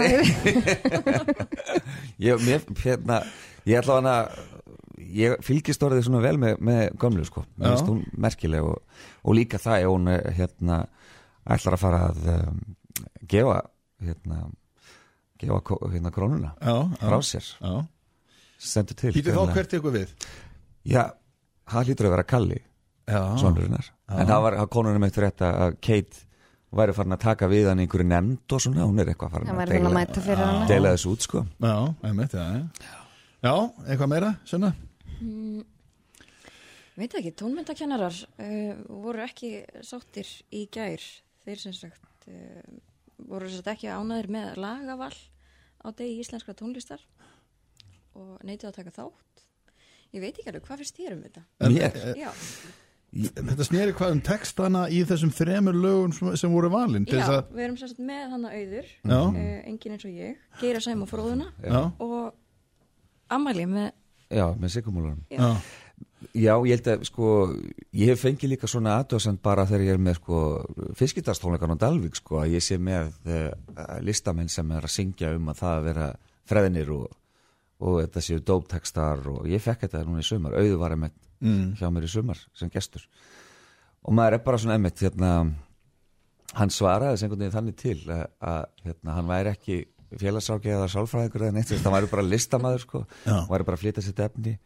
Um, mér finnst eins með þetta mér finnst það svona að ég veit ekki, eru við ekki bara þurfum við ekki bara svolítið að fylgja þessari þróun, þú veist, menn eru bara að semja um það sem það, þeir hafa lendið og upplifað og bara svo bubbi, var þetta ekki að sama bara í kringum 80, Já, svartur afgan þú veist og allt þetta, hún er Rómi og Júlía og, já, og veist, er þetta ekki bara nákvæmlega sama? Já, og líka bara hafa smá fjölbreytni. Mér finnst það allt í lagi, frekar hann að hlusta hérna og sá ég spóa já, já, trekk í trekk og, og sig. Nákvæmlega. Og hérna, krakkar í Hörðuvallaskóla voru mynd með tónleika í vikunni og tóku Aquaman Ég ætla ekki að reyna að fara með textana í því lagi já, með hérna, er það ekki klöpt upp sem að já, það er svona, það er sérstakur texti en akkurat. skemmtilegt samt, þetta var öðruvísi Hann fór í sund og, og taldi svo stelpunum sem voru í bóttinum, eða ekki? Jú, annars held ég sjálfur sama hvað lög hefur verið valið, einhver hefur sagt eitthvað sko. Já. ég held mig gruna það svolítið sko. Já, en er þið ekki sko lög fjalla um ást og þú veist að þú stutt í, í, í hérna þessa gaggríni sko Já, bara lög fjalla bara í dag um allan fjandan. Það er bara að vera núna einhvern veginn lög bara opið, þú bara semur um það sem þú gengur í gegnum og sérstaklega svo í þeirra tilfelli eins og auður er bara eins og við segjum recording artist, hann semur og, og syngur Já, já. um sitt líf. Er það ekki líka oftast og oft lögin sem verða vinsalust eru uh, lögin sem að tónlistamnefndin leita í sinni eigin reynslu brunn Jú, það er vera, það er nær, nær, til, nær til fólks, helst, helst þannig sko. Já. Hmm. Nú, svo var uh, lauruglustjóri í fréttum. Já, starfslokkarsamlingurinn, Já, já, hann er reslandi. þú veist, maður er líka bara að velta fyrir sig þegar maður er ráðun í svona jobb sko, þú veist, og bara hvernig ef ég hætti, hvernig þegar ég hætti, hvernig verður það? Þú er náttúrulega skipaður, þá er erfiðar að, Já, að losna við þig. En já, já, Já. hann er búin að vera það lengi 20 og eitthvað 28 ár ár. Já, já, þetta er alltaf spurning. Mm. Þú veist, Þetta náttúrulega eru rosalega fjárhæði fyrir okkur bara hérna úti, sko. Að heyri þetta svona í einni bunu þetta voru 57 miljónir Já, já. Þetta er ég, maður var alltaf til þú veist, og maður spyr sjálf sig, þú veist, bara ef maður verður ráðin eitthvað jobb og þú fengi þetta, já, svo færði þetta þegar þú hættir. Já. myndi, maður myndi ekki segja nei við þessu. Það myndi enginn gera. Það Knarsbundið þjálfarnir á Breitlandsegu kannastu þetta? Já, nákvæmlega. Þeir eru með svona fallíf. En er, er, finnst, þér, er, finnst ykkur þetta óeðlilegt? Eða er þetta, er þetta eðlilegt eftir eh, öll þessi ári í þessu starfi og, og það er spurning ég menna, ykkur gæti nú spurt fær hann eitthvað að gera eftir þetta? Mhm, Nákvæmlega. Ég held, ég, held okkur, ég held okkur muni finnast þetta eðlilegt ef við fengjum þetta sjálf. Já, Ég held að enginn myndi segja neitt. Já. en, en ekki að einhver annar hefur meinar, e- e- e- eins og, og setningin sko, spillingir það sem að þú færð ekki að taka þátt í. Stundum og ef þú ert þar þá er það hagsmunagæsla. Nákvæmlega, nákvæmlega. Sunna, vilt þú tjáðu eitthvað um þetta? Eh, veistu, ég veit það ekki. Ég veit ekki alveg hvaða skoðun ég hef á þessu. Þannig að ef þú hefur verið í starfi í yfir 20 ár, þá er kannski eðlilegt að, að það sé eitthvað gert fyrir þig og hann er þannig að taka eh, 54% af þeim launum sem hann hefði átt að fá. útskipun tíman Útskipina tíman, já. sem er 21 eða 3, 2023 2023, já. Um, eðlilegt eða ekki eðlilegt, ég bara veit það ekki. Ég hef eiginlega ekki myndað með skoðun. En hvernig á maður að verleggja svona? Þú veist, það er bara svo misjamt, þú veist, að þú spyrð hérna, Jón og Gunnu bara, þeim, við myndum öll að koma með sér hvora töluna, sko, Já, já, ég já. held það En eitthvað, eitthvað meira? uh, borgin? mér, mér, Svona, hvað segir þau? Kannski borgin, hérna matarkostnaðurinn. Já, Já, Og á hérna- fundunum. Já, Alveg á rétt, það var Þeir áttu, þetta var bara sko hundruð þúst á hvert fund.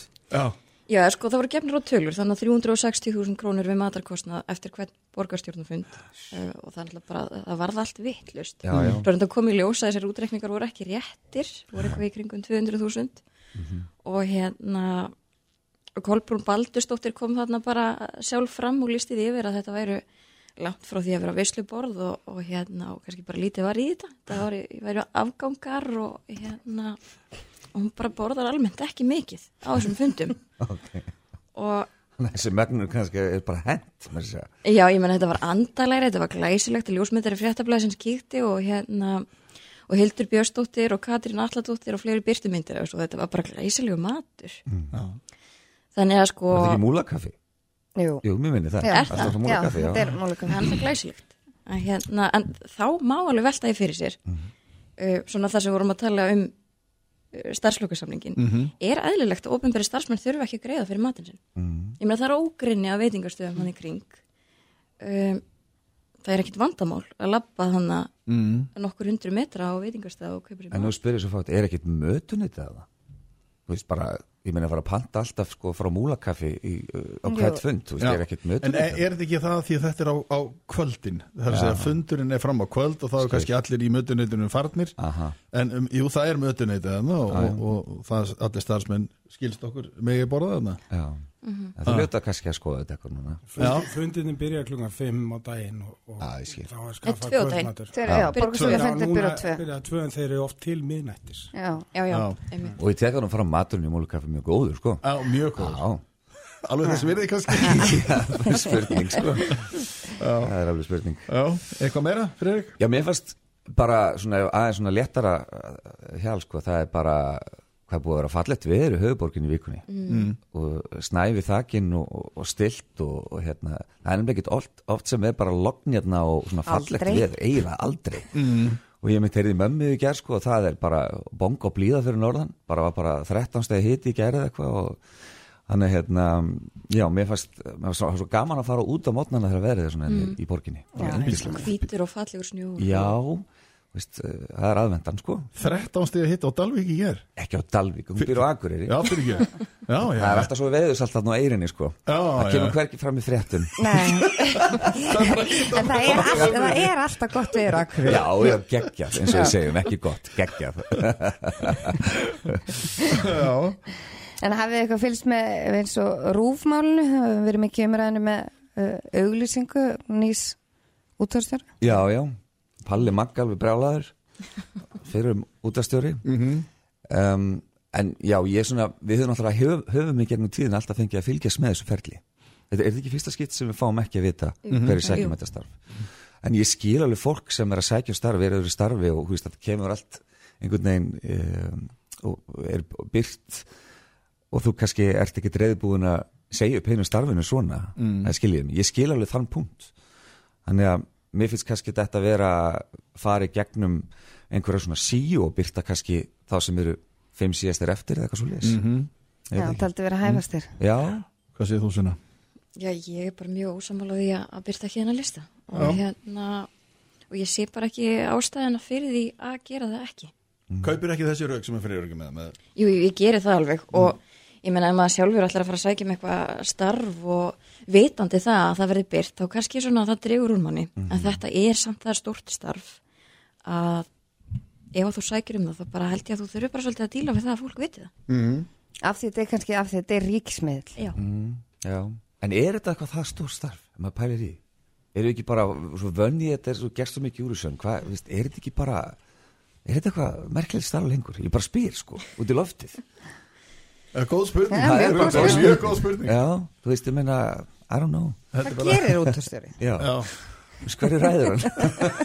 ræðir hann einhverju? Svo er þú veist, nákvæmlega, svo er annar sem sér um alla miðlana og, Mhm. veist, ég bara spyr. Það leggur línunar væntalega fyrir hérna, stöðvarnar. Já, og, og það er ný fjölmiðlalög já, sem sagt í burðalinnum allavega þannig að það er spurning hvort að uh, hann þurfa bara að ná sér í, í, í svundu og, og sög og saga niður hérna hluta af stofnuninni En er ekki allir um það að þetta verði kona Það er, minnst allir vera að tala um það Það verði verið kona Nú kemur kona í Já. næsta leiti Svona. Það, það kemur ekki óvart. Nei, Það kemur Ég ekki. spáði því líka að það verði kona. Hefur ekkert tíðan verið kona sem útvarstjóri? nei Það ég ekki Nei. Nei. mm. En okkar tími, okkar, hvenna tími er komin? Já, Þar, já, algjörlega Svona, þú ert ekki búin að sækja um Ég sótti ekki um, ég get bara líst yfir hér og nú. Já, já, Ég er ekki eina af þessum umsækjundum. nei En þú? Ég, nei Nei. Ég var bara með vinsættalistan hana og, Já. og, og ég lét það bara döga Back in the days Já, einmitt Svo sem er líka hérna skemmtilega fréttir að Andrea Bocelli er að koma til Íslands Stórkostlegar. Já, Hann hérna Hann var nummer tvö á hérna Spotify listanum sem var gefin út í gær Já, ég skil Næst vinsælastur Ok Já, hjá mér Hjá þér, já, Já. já. Hérna, Nei, það er bara gaman að sjá hérna og líka svona klassiska tónleika að sjá þá setta upp í, í kornum Það verður mjög spennandi að fylgjast með því já og hérna, Er, byrju, er, er, er það rétt skilja um mér fóru miðaldir í sölu bara í gær? ég er ekki viss um það 13. reyndar. Nei, það farið 13. desember. 13. desember, já. Sunnem betur en er er þetta er allt á hreinu um það eins og, og svo bara tónleika, jólatónleika að hérna, ég get sagt okkur svona insight upplýsingar að, að sko sá bransi í ár á Íslanda því ég er nú í honum að það hefur orðið viss svona minkun á, á sölu á jólatónleika Já, og við finnum öll fyrir því frá því með eins og í fyrra Er það? Já, og hérna við erum þetta velta mikið fyrir okkur hva, hver ástæðan sé hvort að bara fólk hafi minna á milli handana Þú veist, miði á jólatónleika er ekki ódýr þú Nei. fer með allir fjölskylduna, þetta er bara orðið bara 50-60 þúsund kall mm. -hmm. fjóra fimm manni fjölskyldu Ég saknaði þess pínu, ég var um þetta ræðan daginn, ég saknaði þess pínu og þegar nú eru, verðast vera sem flestir þessi jólatónleikar eru komnir í svo stóra mynd. Já, Ég saknaði þess pínu að geta ekki farið á minni staði já, eh, og hlustað á jólatónlist og, og, og þá náttúrulega kannski borga eins minna en þetta sé bara minna í sniðum. Það, það er meira einhvern veginn kósi, já finnst mér. Eru, svona, já. það er alveg, alveg valid, valid punktur sko. Við erum sko líka bara að hérna, við erum búin að fá öll þessi stóru hús. Við erum búin að fá hörpuna og, og hofið akkuriri og, og en, þessi hús eru, þetta, er dýrt að koma inn og halda tónleika. Og en endilega sko þessu laun listafólksins he- hefur ekkert hækkað í mörg mörg ár. En allt í kringu það að gera þetta hefur hækkað. Og miðaverðið Býtu, út býtu, á allt, allt í kringum þetta hefur hækkað segir, er það þá bara leigan á húsunum? leigan á húsunum og, og tækja og- leigan og alltaf hefur, hefur hérna Já. já, bara En spilar auki frambóð ekki líka bara uh, svolítið þátt í Sko núna í ár segja þær að þessu færri jólatónleikar í bóði til dæmis Nú, heldur en ok. hefur verið þannig hérna, það er En, en maður er að sjá einhverja bara sennilega hérna, afbóka tónleika hjá sér já það gerist alveg sko já, Já. Og, og ég meina minnst líka gott dæmi það í fyrsta skipti heyru við sko bakkalút auðlýsa tónleikana sína Einmitt. þegar var aldrei þurft að gera það Nei, og hérna Og það seldist ekki upp bara á mínútu eins og nei, er yfirleitt. eins og hefur alltaf sko. mm. þannig að það er einhver breyting hérna í, í þessum Já. bransa og uppistandið er náttúrulega að koma svo rosalega stert inn að hérna, það er bara eitt mækur og pera og, og hérna, húsi fullt og já Það er svolítið já, það er svolítið þannig. Já, þið eru bara, því þú veist bara minnast á tónleikana? Já. Þið, þið eru hvað í hofi? Núna, Nei, ég sérst er í salnum í Kópói með mína tónleika og Er það nú lítið kósi hús. Það er, við erum þar í kvöld og á morgun. Já, og hérna ég skil ekki okkur þú er búin að draga mig inn á lappir, ég þarf að fara heim að leggja mig hérna, og svo akkur er í hofi næstu helgi. Já, og þetta er ógulega gaman það er mikið miskilega, ég hef alltaf ég hef gaman að þessu en þetta er svona aðeins erfiðar núna heldur en hefur verið. Já En það er nú samt uppseldið. Að nei, nei, ég er ekki að kvarta Nei, en, nei. en hérna allt, eins og ég segi, þetta eru bara bylgjur í þessum bransaði sem öðrum. Akkurat, já. Svona, erst þú að fara á einhverja jólatónleika? Nei, ekki sem stendur. En Býður bara, eftir- býður bara eftir að Andrea Bocelli. Já. já, Já, það er reyndar í mæ já, Þeir tónleikar. Jó, tónleikar Já, uh, já ég, hérna fyrir Gómar og, og Sunna Takk fyrir að vakna svona snemma og, Takk fyrir að bjóða og okkur. koma hinga til okkar. Þú fær vantalega inn á fréttablaðið bara dúndirinn fréttum. Jú, bara að lesa er- fréttablaði.is Já, ekki gleyma því. Svo við komum því nú að.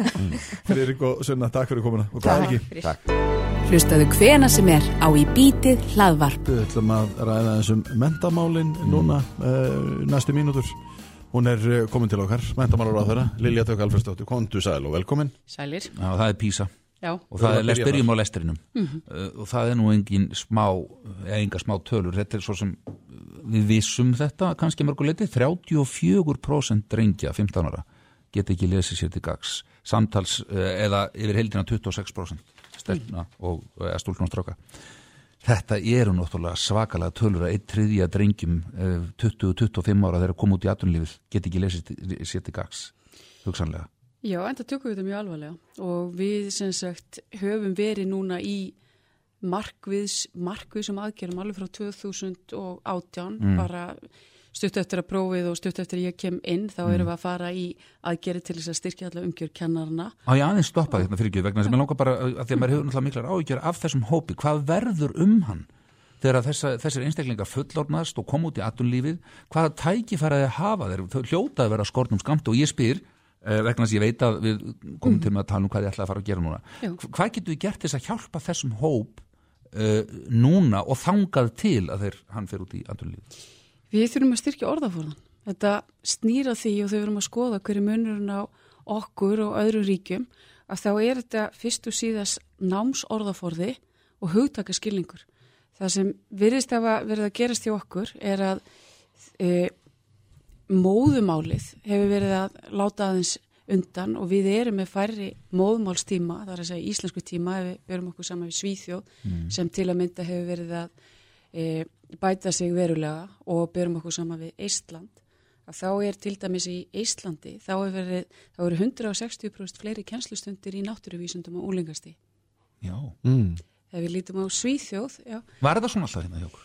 Nei, það sem við erum að gera og ég hef bóðað og ég geri það í viðtæku samstarfi við kennarafórustu, við mentavísindasvið og við alla þá sem gegna líki hlutverki, það er að við séum að fara að fjölga móðmálstíma vegna Mhm. þess að ef þú nærður rosalega, ef þú ert með mjög góð tök á íslenskunni eða ef þú ert í Svíþjóð eða Íslandi á þínu móðumáli, Mhm. þá ertu margvalt líklegri til þess að tilenga þér önnur tungumál Mm. og við verðum bara að horfast í augu við þetta og við sjáum það er allar rannsóknir sem sína þetta og su sumir hafa verið að segja já, er þetta ekki tækin og er þetta ekki tölvunar Mm. en það eru líka tæki og tölvur í Svíþjóð og Íslandi. Mhm, já. en, en, en við spurðum hérna í morgun spurningar hva, hvar fórum við út á spórinu hver, hver, er þetta ekki í kringum árið 2000 sem að eitthvað gerist í annarkort kennslu aðferðum sem verður til þess að við erum komið þangað sem við erum í dag? Já. Eitt af því sem við sjáum er til að mynda að við erum og sem, eru, sem er jákvætt að við erum að bæta okkur í starffræði og hvað er að gerast í starffræðinni þó, ég, þó við viljum auðvitað sjá, sjá betri, og, betri árangur er það að, að við starffræði kennarar og fleiri hafa verið að farið í, í starfstróun og verið að nýta sér svona sérsti, sérsniði námskeið til þess að ebla starffræðikenslu og við sjáum að við erum aðeins að hérna, Mhm. bæta okkur þar Já. og það sem ég er að bóða núna og ég hef verið í, í samstarfið sænska mentamálar á þeirra hanna Önnu Ekström og hef verið í mjög góðu samtali við hana og ég er að spyrja hvað eru þið búin að vera að gera á síðustu 5-6 árunum? Og það vil þannig til að þessi ágæta kona hún var fórstjóri mentamálastofnunar ennar og við höfum verið að skoða nákvæmlega hvað er að gera. Og eitt af því það er starfstróun kennara sem miðar að því að ebla þennan hugtakaskilning fara inn meira í þekkinguna vegna þess að við sjáum það líka að til að mynda rannsóknir sína okkar sína okkur það, eh, rannsóknir eh, hins og galla 98% regla að nefndu þeir verða að þekkja 98% orða í textum námskagna til þess að ná utanu viðfangsefnið Mhm. og það hefur ekki verið alveg þannig hjá okkur. Nei, en, en eins og með, með lesturinn og hjá ungum drengjum. Eh, ok, starffræðin á leiðinu. Lesturinn bara beint strik niður á við og hann var það líka í, síðustu písakonin Já. þannig að það er eins og það hef ekki verið tekið á málanum þá. Nei, við þurfum að hugsa hvað gerðu við á þessu tímabili frá þar að segja 2015 til 2018 og ég, við erum að endur skoða það, við erum Mhm. að leggja áherslu og við erum að nota þær rannsóknir og líta á það sem aðrar þjóðir hafa verið að gera eins og, eins og til dæmis eistanir. Og við sjáum það að námsorðaforðin hann skiptir mjög mjög máli. Og ég, ég fór og skoðaði písaprófin mjög vel. Náttúrufræði, spurningarnar starffræðin og leskilning og ég get sagt ykkur það að þetta eru bísna, þetta eru bísna áhugaverð próf. Mm. þetta eru spurningar sem eru til að mynda um bólusetningar og, og, og, hvað- og, og vera að spyrja út í rökhugsun og álíktunarhæfni og svona. Og þegar ég er búin að skoða prófið mjög vel þá hugsaði já, þetta er einmitt eitthvað sem ég myndi vilja að börni mín hefðu mjög góð tök á.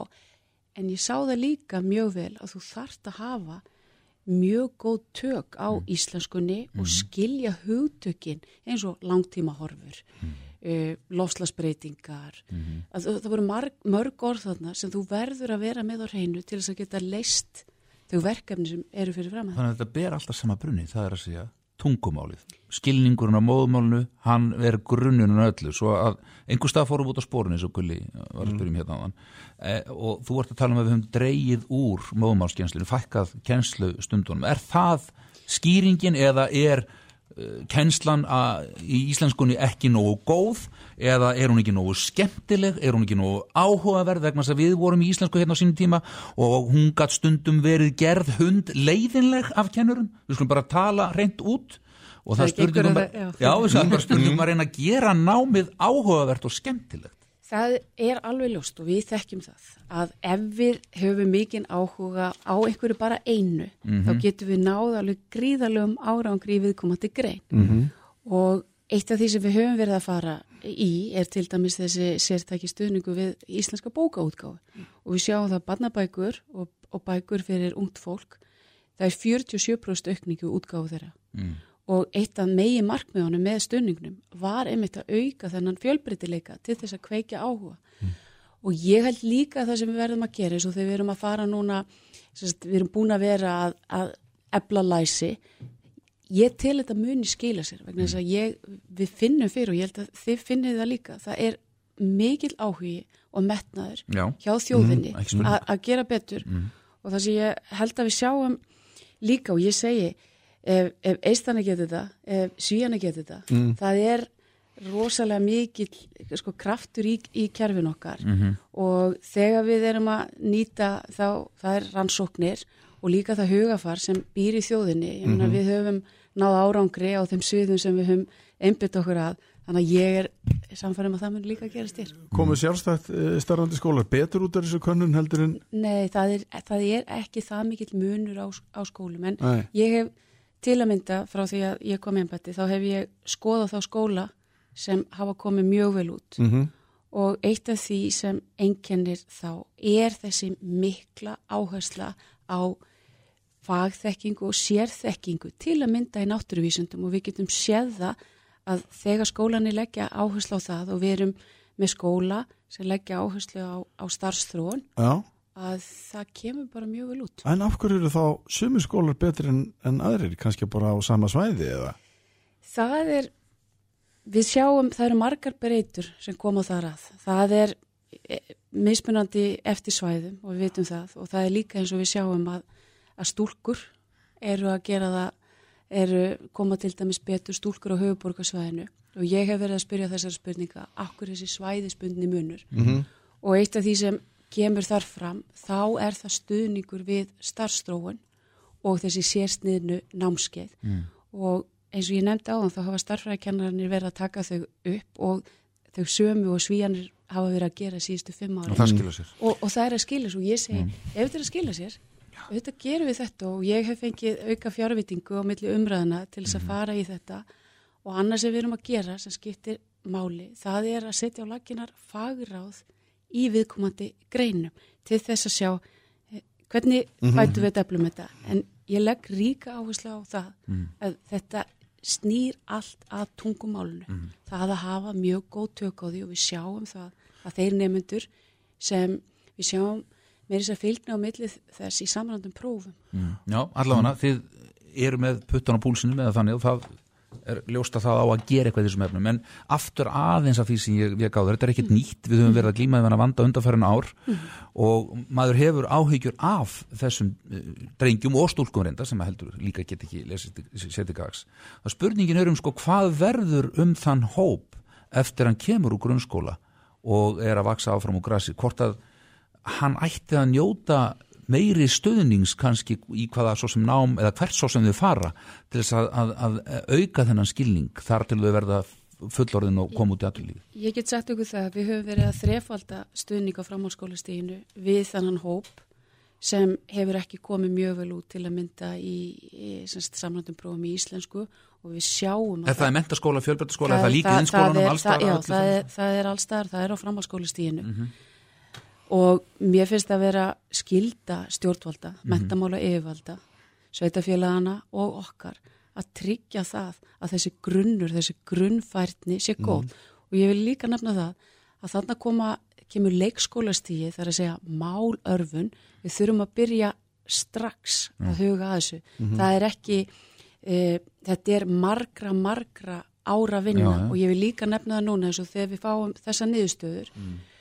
e, mörgum er brugðið en þetta var að sumuliti komið þetta kannski ekki alveg óvart vegna að þetta yfir ákveðin þróun en ég vil hins vegar benda að árið 2009 þá fórum við talsvist upp Mhm. en við sjáum að það eru nokkur svona sameigileg það no, það er, no, það er nokkri þættir sem sameina þessa skóla og þessi ríki Mhm. það sem gengur vel Er, er mikil munur á landsbyðinni og Já, það er, það, er, það er umtalsverðu munur og hann er þannig að við munum fara, við munum taka sérstaklega á því og ég hef verið með það til skoðunar Mm. síðasta hálfa árið og það er ekki bara þessu könnun Mhm. sem bendir til þess, það eru aðrar norranna kannanir og þarna komum við að stuðningi fræðslu yfirvalda í, á viðkomandi svæði Mm.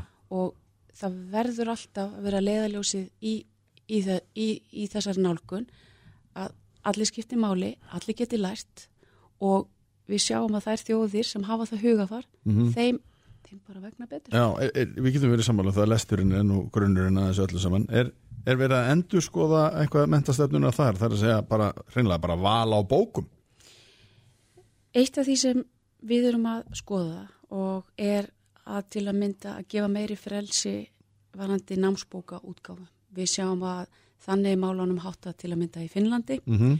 Og við verðum eins og þau voru að koma inn á, við verðum að hafa efni, námsefni sem vekur áhuga og ákveðna svona ástríðu Mm -hmm.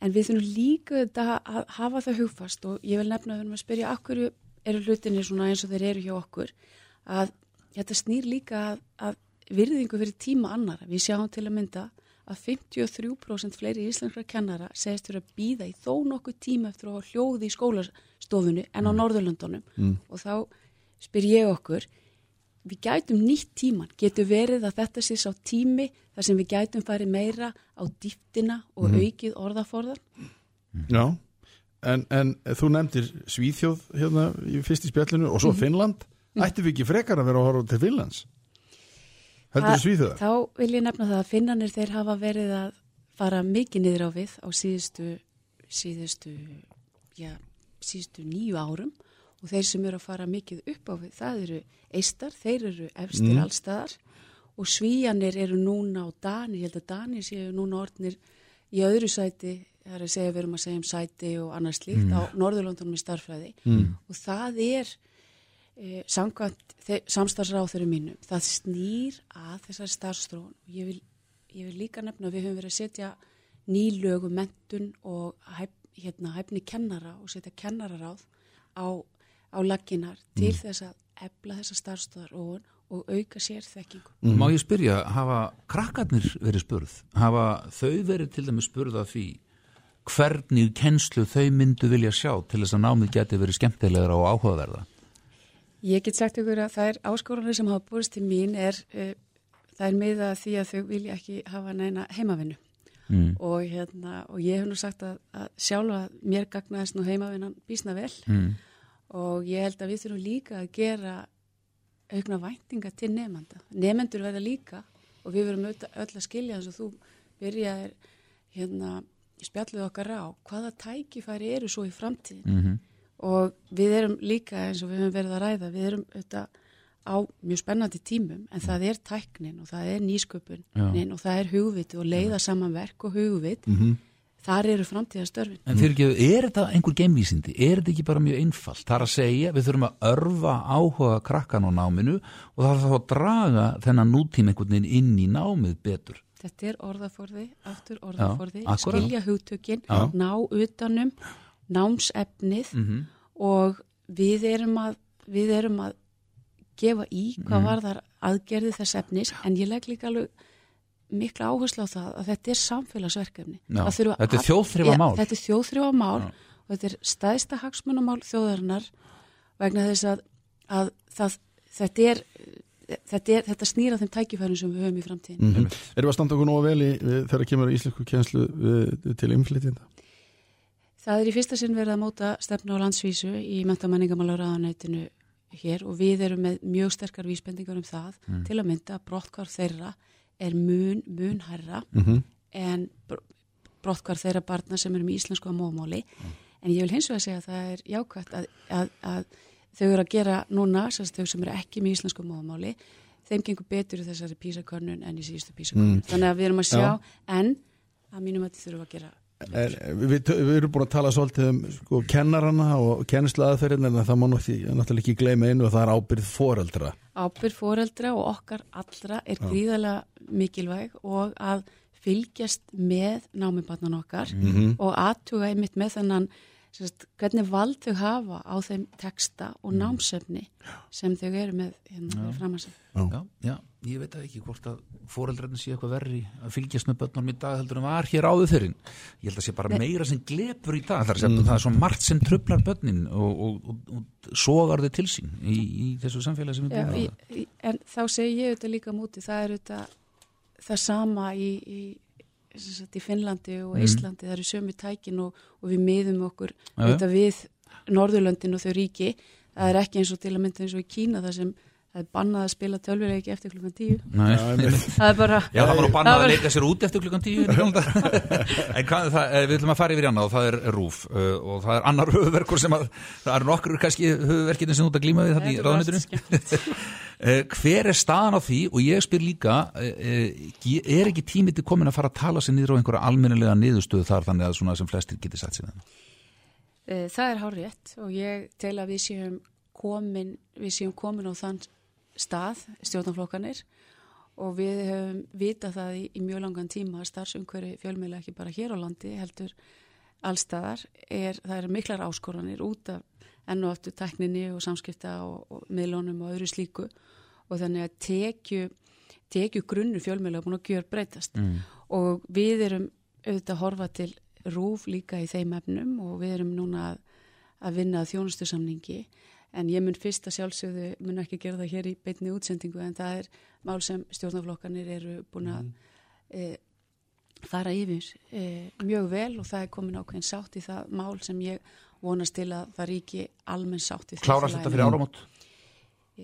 Ég legg mest áherslu á það núna að ég kom í mál, ég tali fyrir málinu og það fari inn í, inn í þingnemnd og Mm. ég er nokkuð björnsinn á það og svo að lögin varðandi stuðning við e, engarrekna fjölmiðla að Mm. þau taki gildi 1. janúar 2020 og nái þá til rekstra ásins 2019. Mm. Svo eru þeir sem að segja að þú sett ekki að taka nógu stórt skref í að koma rúf af auðlýsingamarkaði þetta sé svona bara rétt aðeins bara vera svona svona bílítið plástur. slá á, já, slá á puttana á rúf og segja svona þið megi ekki þetta og megi ekki hitt en þið haldi bara áfram að, að hérna uh, taka peninga af, af, af auðlýsingamarkaðanum Ég held líka að við verum svolítið að líta til þess að auglýsingamarkaðurinn er náttúrulega búin að breytast alveg gríðal á síðustu fimm árum og bara hann er búin að breytast mikið síðan að, að ég var menta á menningamálur á þeirra vegna þess að við sjáum að, að áhorf og, og annars slíkt er að breytast við sjáum unga fólkið okkar við vitum hvar þau eru og við vitum að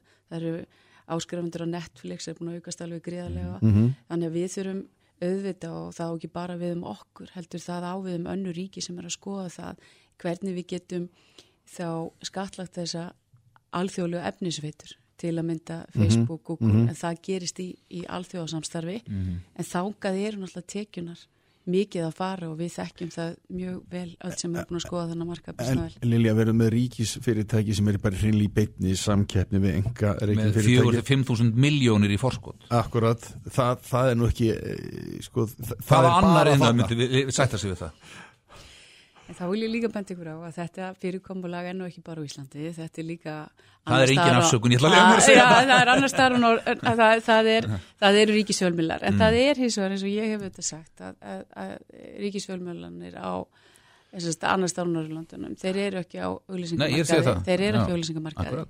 en hins vegar þurfum við að ná sátt um þetta mál Já. og Mhm. ég tel að við séum stjórnarflokkanir séum, séum Um það til að ná því? Já, það, það, það, það er staðan á málunu en já. ég mun kynna það Já. fyrst á, á, á þeim vettvangi En þeir sjálfstæðismenn sem hafa nú verið í viðtölum hérna hjá okkur á undanföndum vikum, mér heyrist nú það vera svolítið svona gjá á milli Eh, þar að segja eh, þín og, og eh, ykkar og, og, og sjálfstæðis Já, þá bendi ég hins vegar á það að við, það er e, fjölmjölafrumvarpið er farið e, út úr öllum stjórnaflokkonum og það bendir allt í þess að ég mæli fyrir því núna á næstu dögum. Og eins og með allt þegar við erum í, í þryggjaflokkastjórn Mhm. og ég heyrði nú í, í ásmundi Friðriksen alþengismanni áður en ég kom hingað að þá, þá er að komast þá er komið lending í málið Hann hefur ég trú á þér, allavega. Já, ég er býstna og Já. ég er, ég er sátt við og það er auðvitað alltaf þannig að, að það væri ekki gaman að vera það sem að væri ef maður þýrsti nú ekkert að hafa fyrir hlutunum og það er bara svo að það er búið að hafa býstna mikið fyrir, fyrir, fyrir þessu og, og mér finnst niðurstaðan vera eitthvað sem við getum verið sátt við. Já, já, hvenær áttu vona að geta tilkynnt hana ofnverlega? Það, það verður aðeins að ég ætla að að halda ykkur í smá spennu. Það, en það, Á þessu ári og næsta? er Ég, það, það kemur bara mjög fljótlega fram og eins og ég segi það er Semst á búið- þess ári? Já, ef ekki segja það. Ah. sem fyrst allavega Já, það er, það er eins og við höfum til dæmis verið að skoða mjög vel fjölmjölamarkaðin í Danmörku og þar er stuðningur við, það er endurgreislukerfi þar. Já. Þe- Þeir hafa mikið, mikið frelsi á auglýsingamarkaði Mm. og hefur verið farið í aðgerið þar meðal annars vegna þess að það er verið að leggja áherslu á tungumólið. Já. Og það skiptir og við vorum að tala um læsi á þann. Mhm. Við verðum að hafa efni á íslensku Mhm. sem hefur yfir, það sem er ríkur orðaforði, mikill og góður og breyður orðaforði. Og markmið þessara aðgerða er meðal annars að styðja við tungumálið okkar. Já, um, við býðum spennt. Uh, Lilja Dögg Alfredsdóttir menta að menningmálar á þeirra takk kjærlega fyrir komuna, gangið vel og já, við segjum bara gleðilega hátíð. Við heyrum ekki í þér uh, fyrir jól. Já, gleðileg jól. Já, sem er leiðis. Þú ert að hlusta á í bítið hlaðvarp. En nú er það hins vegar uh, rúf Já, hvað á að gera við rúf? Akkurat, þeirra stórti spurt en fáttu svör nema þessi menn sé með uh, svörin á reyðum höndum Já, sumir segja bara ekkert, það var þetta bara eins og þetta er en Akkurat. aðri vilja breyta Brynja Nílsson og Guðmundur Andri Tórsson Herra menn, velkomnir Takk. Já, já, Brynjar, byrjum á þér þá Hvað á að gera við rúf? Hvað á að gera við rúf? Ég skulle bara byrja að láta rúf fara lögum og, og hérna Já, það vart að vísi í Já, ég er bara vísi í þegar þeir eru ekki stofnum sem dótturfjölög eins og vera ber Mhm. þeir, sko rúf á markaði núna eins og þeir eru á markaði núna kemur í veg fyrir, í mínum huga veg fyrir að, að, að hér skapist bara eðlugur fjölmjölamarkaður og það er auðvitað vandamáli en, en sko það er auðvitað bara ákvörðun hverju sinni hva, hvað á rúfa þjónusta Mm. hvað eiga er að gera og, og hérna þeir eru auðvitað bara í öllu og, og það sem er augli og sankefnisrestur er bara inn í allir púlíðunni Mm. sem skapar auðvitað bara eðlilegt umhverfi það er voða erfið þá fólk sem bara að- viðurkenna þetta sumi finnst það bara eins og var allt í lægi sem er mjög sérstakt því að, að, að það er eins og uh, allar samkeppnisbrenglanir og allt sem fer á sig og samkeppnislög sé í lægi hjá fyrirtækjum af því það er í opirregu Mm. Það er svo að menn nálgist einhvern veginn þannig Mm. ég meina ok, ég meina ef menn vilja bara hafa það þannig þá geta menn bara glemt hinnu og ég er ekki að fara að fara að greiða tapið á, á engamilum í, í, í, í beinhölum peningum meðan allt er óbreytkringur rúf mm.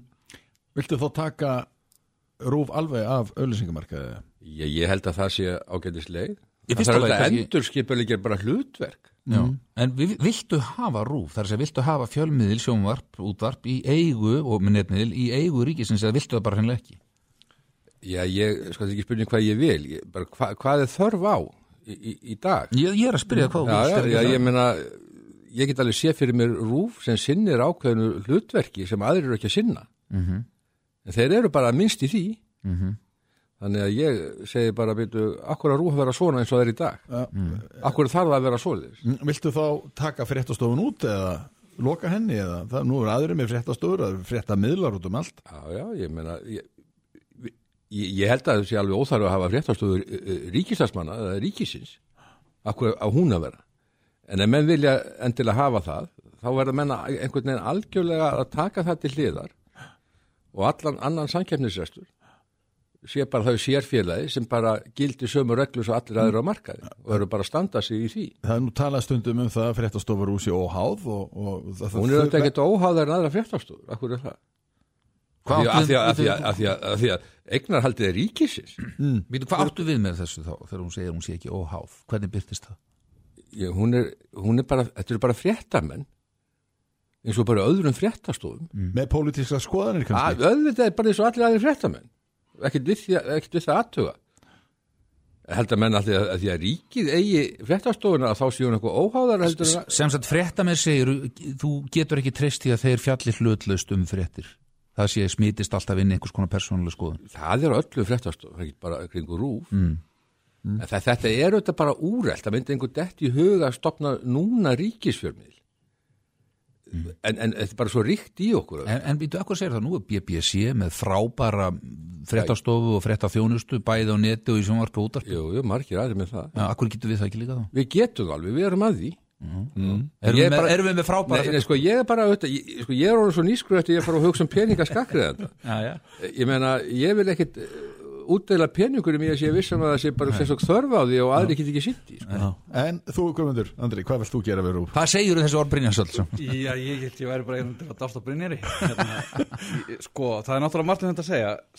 Uh, Hvort við erum að byrja þessu með hérna fara lögum þá, þá er það alveg rétt að það hefur tekist eitthvað óhöndulega við að gera þetta að OHF þessi, þessi þróun sko þegar að, hérna, sem fyrir mér er einhvern veginn alveg óskiljanlegt reksta fyrir komala sko, ofinbest hlutafélag það sem er bara einn hlutur sem ríki fer með, ég, ég skildi ekki alveg. Mm. hvernig, hvernig það er hugsað og, og, og, og, og, og upp úr því hafa komið einhver svona vandræði með hérna starfsemi sem á að vera í dóttufélagi en, en samt hefur mentamálaráðundir einhvern veginn dreigi lappirnar í að sko leggja eh, rúf línundan um hvernig nákvæmlega eigi að gera þetta. Þannig að það veit enginn alveg hvernig á að gera þetta en þetta verður að fara að lögum. Það er alveg rétt sem ríkisendur sko en það segja það, það er náttúrulega blasið við og, og eins er með þessa, þetta svona þennan vandræðagangi kringum hérna ráningu útastjóra sem að mér heyrðis Pál Magnússon hérna he- krefjast þess að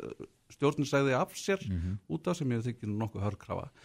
Eh, sko hérna maður skilur það alveg að, að, að, að hérna stjórnin sem að er að fara að ráða, ráða hérna útastjóra vilji taka tillit til fólk sem að vill kannski ekki láta nafsins geti, það er náttúrulega persónu vendar sjónamið og, og, og svona viss tillitsemi og við tekjum það ef að við erum að sækjast eftir vinnu einhvers staðar annar staðar en við erum í vinnu þá viljum við kannski ekki vera mikið að auðvitað það gagvart núverandi vinnuveitenda og, og svona sjónarmið, viðkvæmt sko.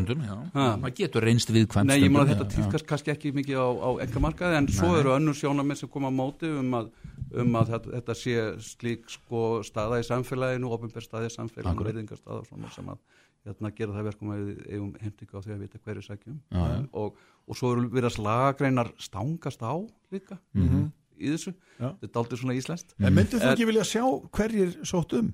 Jú, þetta ég er bara forvitin eins og við öll og, og hérna ég er alltaf að spyrja fólk á förnum vegi, veistu, veistu eitthvað hérna, Mm. hverju svo döm en, en hérna, ég, mér finnst kannski ekki að ég eigi einhverja svona mórálska heimting af því. Það er ekki þannig. En, en, en, en það er varandi þetta er svo hann að það þarf að fara lögum Mm. en, en hérna, sko, hvað á að gera við rúf? Uh, rúf er náttúrulega búið að vera sko, búið að fylgja okkur síðan hvað, 1930 og er mjög sterkur þáttur af íslensku þjóðlifi e, og er, er mjög sterk stopnun í, í íslensku þjóðlifi og, og, og ég held að bara kannanir sína að þjóðin vill ekkert að, að, að þessi stofnun verið lögn niður og ég held að við viljum það flest að stofnun sé til í, með einum með öðrum hætti þó að Brynjar sé enn ekki búin að leggja niður fyrir sér hvernig hann, hann vi- vill sjá hana þá Nei. held ég þó ég ætlum ekki að fara að tala fyrir hann þá Nei. held ég að hann vilji líka sjá þessa stofnun áfram Mhm. eh, hann er svarðandi þetta að vera fréttamaður eh, jú, sko ég held að það sé alveg rétt að það er ekki sko, það er ekki munur á, á fréttamönnum til dæmis hér eða, eða á, á engareiknum fjölmiðlum eh, eða fréttamönnum á rúf Eh, ég held að það að vera fréttamaður sé bara alveg sérstök lífsafstaða og, og fréttamaðurinn hann, hann, hann delur sig hafa skildur hlustendum og, og lesendum eh, og, og þjóðinni en ekki gafkvæmt eigendum fjölmiðils eða, eða, eða Mm. politískum flokkum eða öðrum slíkum þeir fréttamenn líta á sig sem óháða og, og, hérna, og vilja vera það og hafa ákveðna siðreglur Mm. og, og halda þeir í heiðri flestir Mm. eh, en enga síðu þá er ákveðin hefð og saga innan rúf og ákveðið svona bara e, já, he, Rúf hefur þetta sko, þessa stöðu sem fréttamiðl Mm. að fólk treystir fréttum þaðan og, og gerir ákveðna kröfur til frétta þar. Mm. og, og fyrir viki þá, þá, þá hérna eh, finnst mér svo stað sem er algjörlega nöðsynlega Já, en býtu, nú er, hefur Rúf verið að kaupa yfir fréttamenn af þessu miðli til dæmis? Treystir þá fólk fréttamannum þegar hann er komin yfir betur heldur en þegar hann Nei, var nei, sko, ég er ekki að, eh, sko, ég, ég, ég var einmitt að segja, sko, að, hérna, að, að, að frétta með hér eru, eru líka, sko, hafa, hafa þessi gildi í heiðri, rétt eins og, Já, hérna, já, já. og, og eru alveg á góðir fréttamenn, Mhm. hérna, tóður, hvar sem þeir eru, Mm. það er ekki málið, en, en hérna, Já, ég Brynja, nú er þú búin að vera að dást Ég á meina, Sko, ég á að vera íhalsmaður í þættinu, sko, en það veit að Guðmundur íhalsmaður í þættinu, það er nú sko. oft sínt sig að, hérna, það er alltaf gangur á því. Og, og, og hérna, er, sko, Rúf hefur fyllt okkur frá 1930, ég held að þetta sé akkurat vandamáli, sko. Mm. En byrju þjókirkjan hefur fyllt okkur síðan árið þúsund, sko. Og allir vilja losna við hana úr, úr ríkis, sko, kerfinu, sem er eiginlega kortið að búið. Nei, ég, ég segja þetta bara, Rúf í núverandi mynd er löngu úrælt fyrirbæri. En ég er alveg tilbúin að styðja menningu með einhverjum hætti Mhm. og, og hafa eitthvað sem menni eru ekki alla hérna að gera. En, en rúf er auðvitað bara allt um líkjandi og gerir það að verkum að eðlilegu fjölmiðlamarkar, eðlilegt umhverfi fyrir fjölmiðla Mm. er ekki til staðar Mhm. og hvernig ætlum við þá að gera, hvað ætlum við þá að gera? Þá er þessi menn dettur í hug að skakkræðendur bætur nú enn í Ég veit ekki, ég skil ekki alveg hvað, hvað þú ert að tala um þetta með allt, allt um líkjandi, þetta er svona fýllin í stofunni kenningin. Já, já. Sko, Nákvæmlega. það kom út skýrsla í apríl frá hagstofunni, hjá hagstofunni, þar sem að bara kom í ljós að hérna, það, það, það, það er bara um tekjur fjölmiðla. Mm. Að af tekjum fjölmiðla renna 80% til engareikina fjölmiðla en um 20% til rúf. Það er nú allur fýllin. Meir eins og kísa, kísan í stofunni Nei. en, en hérna og, og, og, og Rúf náttúrulega sinnir margvíslegum sko hérna menningarlegum skildum og, og öryggiskildum sem að hérna Ah, það er löngu úrelt, sko, Guðmundur. stofnin eru uppalagt að sinna nei. Og, nei, það er ekkit Jú, og, og, bíddu. og hérna sinnir margvíslegum menningarlegum hérna Tæknin hefur breyst hann allt þetta öryggis tæknilega atri Þeir, auðvitað getur, við getum alveg sagt að þeir eru einhver ákveðin menningarlegt hlutverk og ég vil bara afmarka það við það og ég segi sko það sem mönnum dettur í hug núna að gera Mm. er að fara að bæta einhverjum hundruðum miljóna í því að bjar, eh, hérna, greiða til engamilana. Sem er bara jafna einhvern veginn svo- stöð, Mm, mm, jafna einhvern veginn stöðuna Mm. sem við vitum auðvitað ekkert til hvers munu leiða hvort það muni bjarga yfir höfu nokkur Mhm. Og ég segi bara, ég er ekkert sem að sé einfalt ég segi bara við þurfum að skapa eitthvað eðlert umhverfi það sem sko hlutverk rúf er algjörlega bundi við þetta sem Mhm. ég kalla menningrið hlutverk Mhm. sem aðrið þá ekki sinna og öðru leiti er þeir helst bara ekkit í öðru en ef þeir eru í einhverju öðru líka þá sé það algjörlega sjálfstæð hlutafélagi það sem skattgreðendur borga ekki inn í heldur þeir eru bara að reka. Mm, eins og- eins og sko, ég, ég, ég veit ekki alveg hvað áttu við með menningarlegt hlutverk sko, það er náttúrulega svo vitt hugtak menning. Innlenda getur- ég mér- sagði það finnst sem aðrir eru ekki að sinna. Já, ég finnst til dæmis hérna, ok, hérna, en mér finnst eh, partur af íslenska menningu vera bara þjóðfélagsumræða og mér finnst þér rúf gegna mjög mikilsverðu hlutverki í íslensku þjóðfélagsumræðu, Mm. þið gerir það líka, en, en hérna, eh, enga síður, þá, þá, þá er þáttur eins og kveikur bara ákvæmlega nöðsynlegur fyrir íslenska þjóðfélagsumræðu og bara fyrir íslenska upplýsingu yfirleitt, ég menna ef ekki en verið kveikur þá, heldurðu- þá myndum við en ekki vita neitt um heldurðu, Guðmundur, að samherjaskjöfin enginn aðrir getur gert að þetta ríkistarfsmenn? Já, eh, sko hver fann það upp? Guðmundur, ég ætla bara aðeins með kveik. Getur ekki einhver reykið kveik, verið með kveik nema Með fullir virðingu fyrir kveik Er það rétt að ef að kveikur hefði ekki verið á dagskrá þá vissum við ekkert um samherjaskjölin. Hefði þessar upplýsingar Já, ég, ég, held að hérna það, jú, jú, ég menna við höfum stundina Mm. sem að hérna er, er hérna miðil sem að he- vissulega hérna sinnir, sinnir svona starfsemi rannsóknarblæðum mennsku en ég er ekki við sem að hefði haft bólmakt til að gera þetta með þeim hætti sem að kveikur gerði Mm. og, og eins var með Panamaskjölin og, Mm. og, og, og Rannsóknarblaðamennska er dýr Mm. rannsóknarblæðamennska er dýr og, og vissulega og, og hérna og uh, kosta mikla peninga og, Mm. og, og, og hérna, mikinn tíma og, og, og, og það þarf ákveðina svona þekkingu. Já, en þar sem þetta er ríkisfyrirtæki ætti ekki að döga þá framlag ríkisins til rúf ætti ríkisfyrirtæki að vera að keppa á auðlýsingamarkaði bara yfir höfuð Já, sko, það eru delta menningar um það. Hvað finnst þér um og- Já, sko, eins og ég var nú hann, þá var Hagstofa með þessa tölur sem að hérna, sko, hvort pínlítið þessi 1% eða 20 eða 30. þessa, þessa fílsmynd sem er alltaf dregin upp á rúf og er augljóslega röng. Mm. Eh, auglýsendur margir segja að, að, að hérna, auglýsingar myndu ekki sjálfkrafa að fara yfir á aðra mið- miðla þó að rúf myndi hætta að auglýsa á, ákveðin tegund af kannski stórum dýrum auglýsingum sem að Auglýsingarstofuna segja þetta? Já. Já.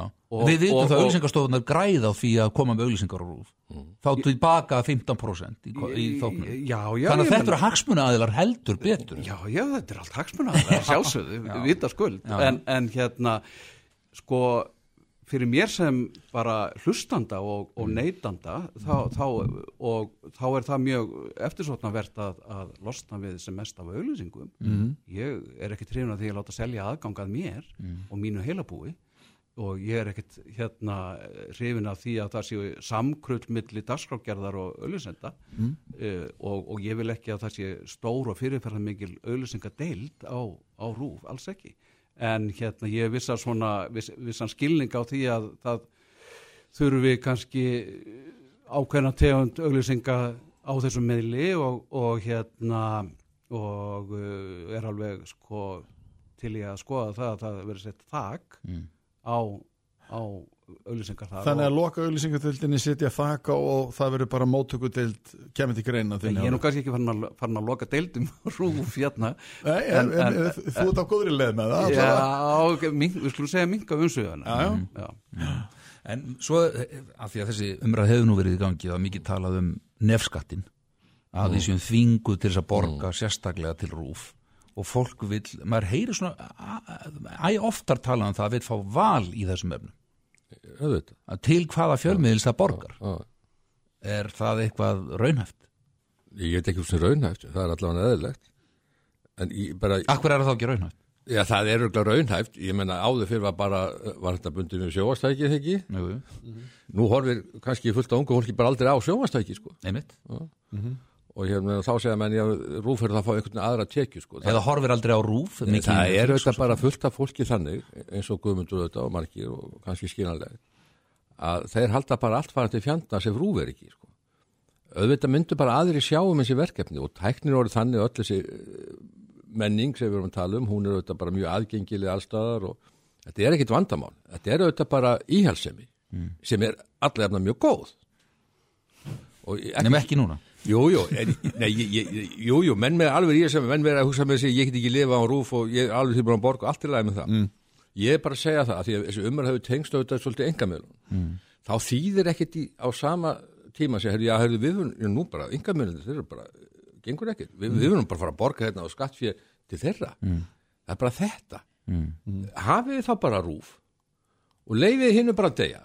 Sko, þú svo- setur þetta sér- upp eins og sko viðgangur engamvila sé einhvern veginn undir því komið að veikja rúf. Það, það er ekki beint samengið þarna milli. Sem sé að við getum ekki bara tekið, tekið frá rúf Jú, og fært til það, það, er, er engin, ekki- einstafn og það í samfélaginu að, engamil er ekki sterkar ef rúfa er ekki með, með, út um allt í þessu. Öllum auðlýsingunum í all, allstaðar alltaf þú að halda það fram að, hérna, þeir væri bara staða engamil að væri bara alls og sama. Nei. Já, það er ekki, ekki, mér finnst ekki augljóst að, að það að veikja rúf muni styrkja engamil það hlýtur að, þess hlýtur að sko, það sem veikja að hefur veikt engamilana er ekki endilega vöxtur rúf heldur, heldur, heldur annars vegar sko, var það hrunið og hrun auglýsinga í kjölfar þess sem að hérna hefur enn ekki alveg náð að, að byggjast upp aftur. Guðmundur. og hins vegar er það samfélagsmiðlar eins og Facebook og Twitter og Nei, Instagram nei, og hvað það heitir saman. þetta er fullkomið sjálfsblekking. Sko, he- ef menn halda það að vera í samkeppni við fjölmiðil sem fær sko uh, 5 miljardar frá skakkreðendum er í samkeppni við þig það myndi engin annan atvinnugrein sætta sig við þetta. Engin, það var allt samkeppni sem allt væri komið hérna í loft upp en bara að því að það er rúf það er í eigu okkar þá skipta þessar reglur engu máli. Mm. mörgum finnst það bara allt í lagi að þeir séu standið samkeppni fá 5 miljari í, í meðgjöf ráða hérna yfir öllum þessum sjóasauðlýsingum meður og minna að því að auðvitað auðlýsingastofuna fá sín 15% Nei, hver segir það að þetta hafi áhrif á engamila að þetta er sko fullkomlega fráleitt guðmundur. En hversu mikið skal ég ekki segja? Og ég veit ekki hvort að engamilin bara þrýfust yfir höfuð. En þeir eru ekki að þrýfast núna, þeir eru allir í eruleikum Eruleikum. en, en það, nú er maður búin að starfa Guðmundur, hvað með, já, það skoðum til dæmis eins og sem ég hef, sem að kannski einhverjir hafa líka nú er maður búin að starfa engamili frá því 1986 frá því að stöðtu fór í lofti og það hefur verið þessi umræða allar götur síðan, jafnvel held ég að vera bylgjan eða bylgjan var í lofti sinni Já, tíma e, einmitt nákvæmlega eðlilega og þetta er búið að vera sérst í ára og það finnst held ég fáum kannski þetta sangjöld staða en enga síður þá til dæmis er ég þeirra skoðunar er en síður myndi ég vilja hafa rúf Já. er hægt að finna slíka leið Já sko, ef að, ef að hérna, já, ég, ég er alveg hérna til í að, að og, og, og ég myndi alveg halda að það væri bara mjög gott fyrirkomulega að það væri rúf án auðlýsinga enda, enda er slíkt fyrirkomulega víða í kringum okkur. Mhm. Náttúrulega- BBC lifir út- góðu lífi út um og, og hérna, en þar er, er þessum sambærilegu fjölmjölum séð þá fyrir nægilegu fjármagnir til þess að, að vera með mjög öflug og mikla starfsemi Mm. og, og ég myndi vilja sjá stór, stór, segja, já, stór aukna starfsemi í, í leiknu leiknu efni í, sjónvarpi og Mhm. útvarpi og, og, og hérna og, og og, og dagskrágerð þar sem að mannlífin í landinu væri hérna sint enn betur og, og, og, og rúfiri þá svona raunverulegur þjóðar speil. Mhm. Ég myndi vilja sjá það. Og, hérna, og væri ekki ekki að keppa við engamilanum erlendu þættina ef að hérna við sjáum ef að við, við hérna sjáum stofnuninni fyrir nægilegu fjármagni fyr- og, og, og bólmagni til þess að gera þetta þá, þá sé ég hérna ekkert að því. Og, og, og minn draumur er sá að, að rúf sé stert og öflut og, og enga miðlarnir séu það líka Mhm. og þetta, þetta þrýfist hlið við hlið en séu ekki að bítast um hérna einhverja, einhverja móla sko. væri nóg fyrir rúf að hafa rás 1 sjómarp og rás 1 útarp þarf rúf að vera að keppa með rás 2 við Já, Rás? 2 er bara allt annað, allt, allt öðruvísi Já, stöð heldur en en það keppir 1. heldur betur auðlýsingamarkaði þar líka Já, en enga síður er Rás 2 sko alveg sérstök stöð og, og mér finnst Rás 2 hafa alveg sérstakt menningalegt gildi, Mm. ég finnst það Mm. og hérna bæði hvað var það þjóðfélagsumræðu en ekkert síður hvað var það þjónustu hvernig hún þjónustar íslenska tónlist en væri ekki hægt að hafa það allt saman á rás 1 spyr ég Uh, Eða þarf- þarf þá er 1 tvær? ekki lengur Rás 1 og ég er mér segja slíkur íhaldsmaður að ég er alveg á móti samlesnum leiknum auðlýsingum á Rás 1 og Rás 2 sko. Já, já. ég er alveg þar Já, en hvað með mjölkursamsöluna fyrir ekki og ég beðnum að spyrja enga, enga einokun mjölkursamsölunus Þið muni hvernig umræðan var kringum mjölkursamsvöla, alveg bara menn rúk upp hand og fóta. Mm. Mjölkursamsvöla er ekkit ólík rúf, sko. Hún hafi ymsar skildur umfram aðra framleiðendur Mm. og þess vegna var þetta ástand. Sama er auðvitað með rúf, rúf hefur ymsar lögbundna skildur sem aðrir hafi ekki Mhm. og menn hafa réttlætt þessa stöðu rúf á samkjöldsmarkaði með þeim hætti. Ég vil bara hvorugt, ég vil bara allir standi bara já Mm. En ok, ég menna ég get skilið þau sjónamir að menn líti á hérna eitthvað sérstakt lögbundur hlutverk þá gildi aðeins öðru reglum um þá. Mhm. En er þetta kannski að breyta þess að hér er uh, ungur maður að senda 28 ára gamall uh, inn uh, í svona aðtúasemd um þessa umræðu hérna Mhm. er þetta kannski að breytast, þú nefndir það aðeins á hann hérna Brynjar, með nýri kynslu sem horfir lítið sem ekkert á sjónvarp og kannski jafnvel ekkert rúf og hann segir hérna, nú er ég 28 ára og hjartanlega lindur því að loka rúf eða enga vega það það sem einskiptin, eh, sem ég, einu skiptin sem ég horfa á rúf er á áramótasköpið og kannski örf á annu skipti, nánast aldrei á rúf og þar alveg enga síðu, þar hann að borga þennan nefskat, nánast horfir aldrei á það. Já, já, en, en Rúf er þarna sko, er, er til sko þó að hann, hann þessi tildinni einslingur notaði ekki mjög mikið við, vitum ekki hvort En þessi á er ég að tala um. áratugum og Já. þá mun hann hafa Netflix og svo þegar- þá mun hann hafa tækifæri til að njóta alls þess mikla efni sem að hérna eh, sem að framleitt hefur verið á Rúf frá 1930 Já. Þetta að- mikla safn, hugsaðu ykkur það. Uh, Guðmundur, aðtjóðasemtirna frá hlustanda með varandi hagstofutölutin sem varst með aðan 80-20% það er allur markaðurinn ekki bara ljósvaka, uh, ljósvaka hérna, eru það tölur eru blöðin inn í þessu líka. Þetta eru tölur frá 2017 Mm. Já. Já, þetta er. Þetta var misvísandi þá. en, en, en ég held að vera óskandi að, að við næðum einhverju lendingu endanlega svo við getum hægt að, hægt að tala um þetta búið að tala um þetta í ára tíu þannig að það hægt að, að vera svona, að gæti ríkt sáttu um þetta. Sko það er eins með rúf og flugvöllin og staðsetningu spítala og fleira og fleira að, að sko ef að til er ágreinisefni í íslensku umræðu þá mun það lifa sjálfstæðu lífi. Já, já, Guðmundur Andri Tórsson og Brynjar Níelsson, takk fyrir komuna eitthvað? mér, mér finnst bara Helga Val heldur dimrættarinn áður. Hlustaðu hvena sem er á í bítið hlaðvarp.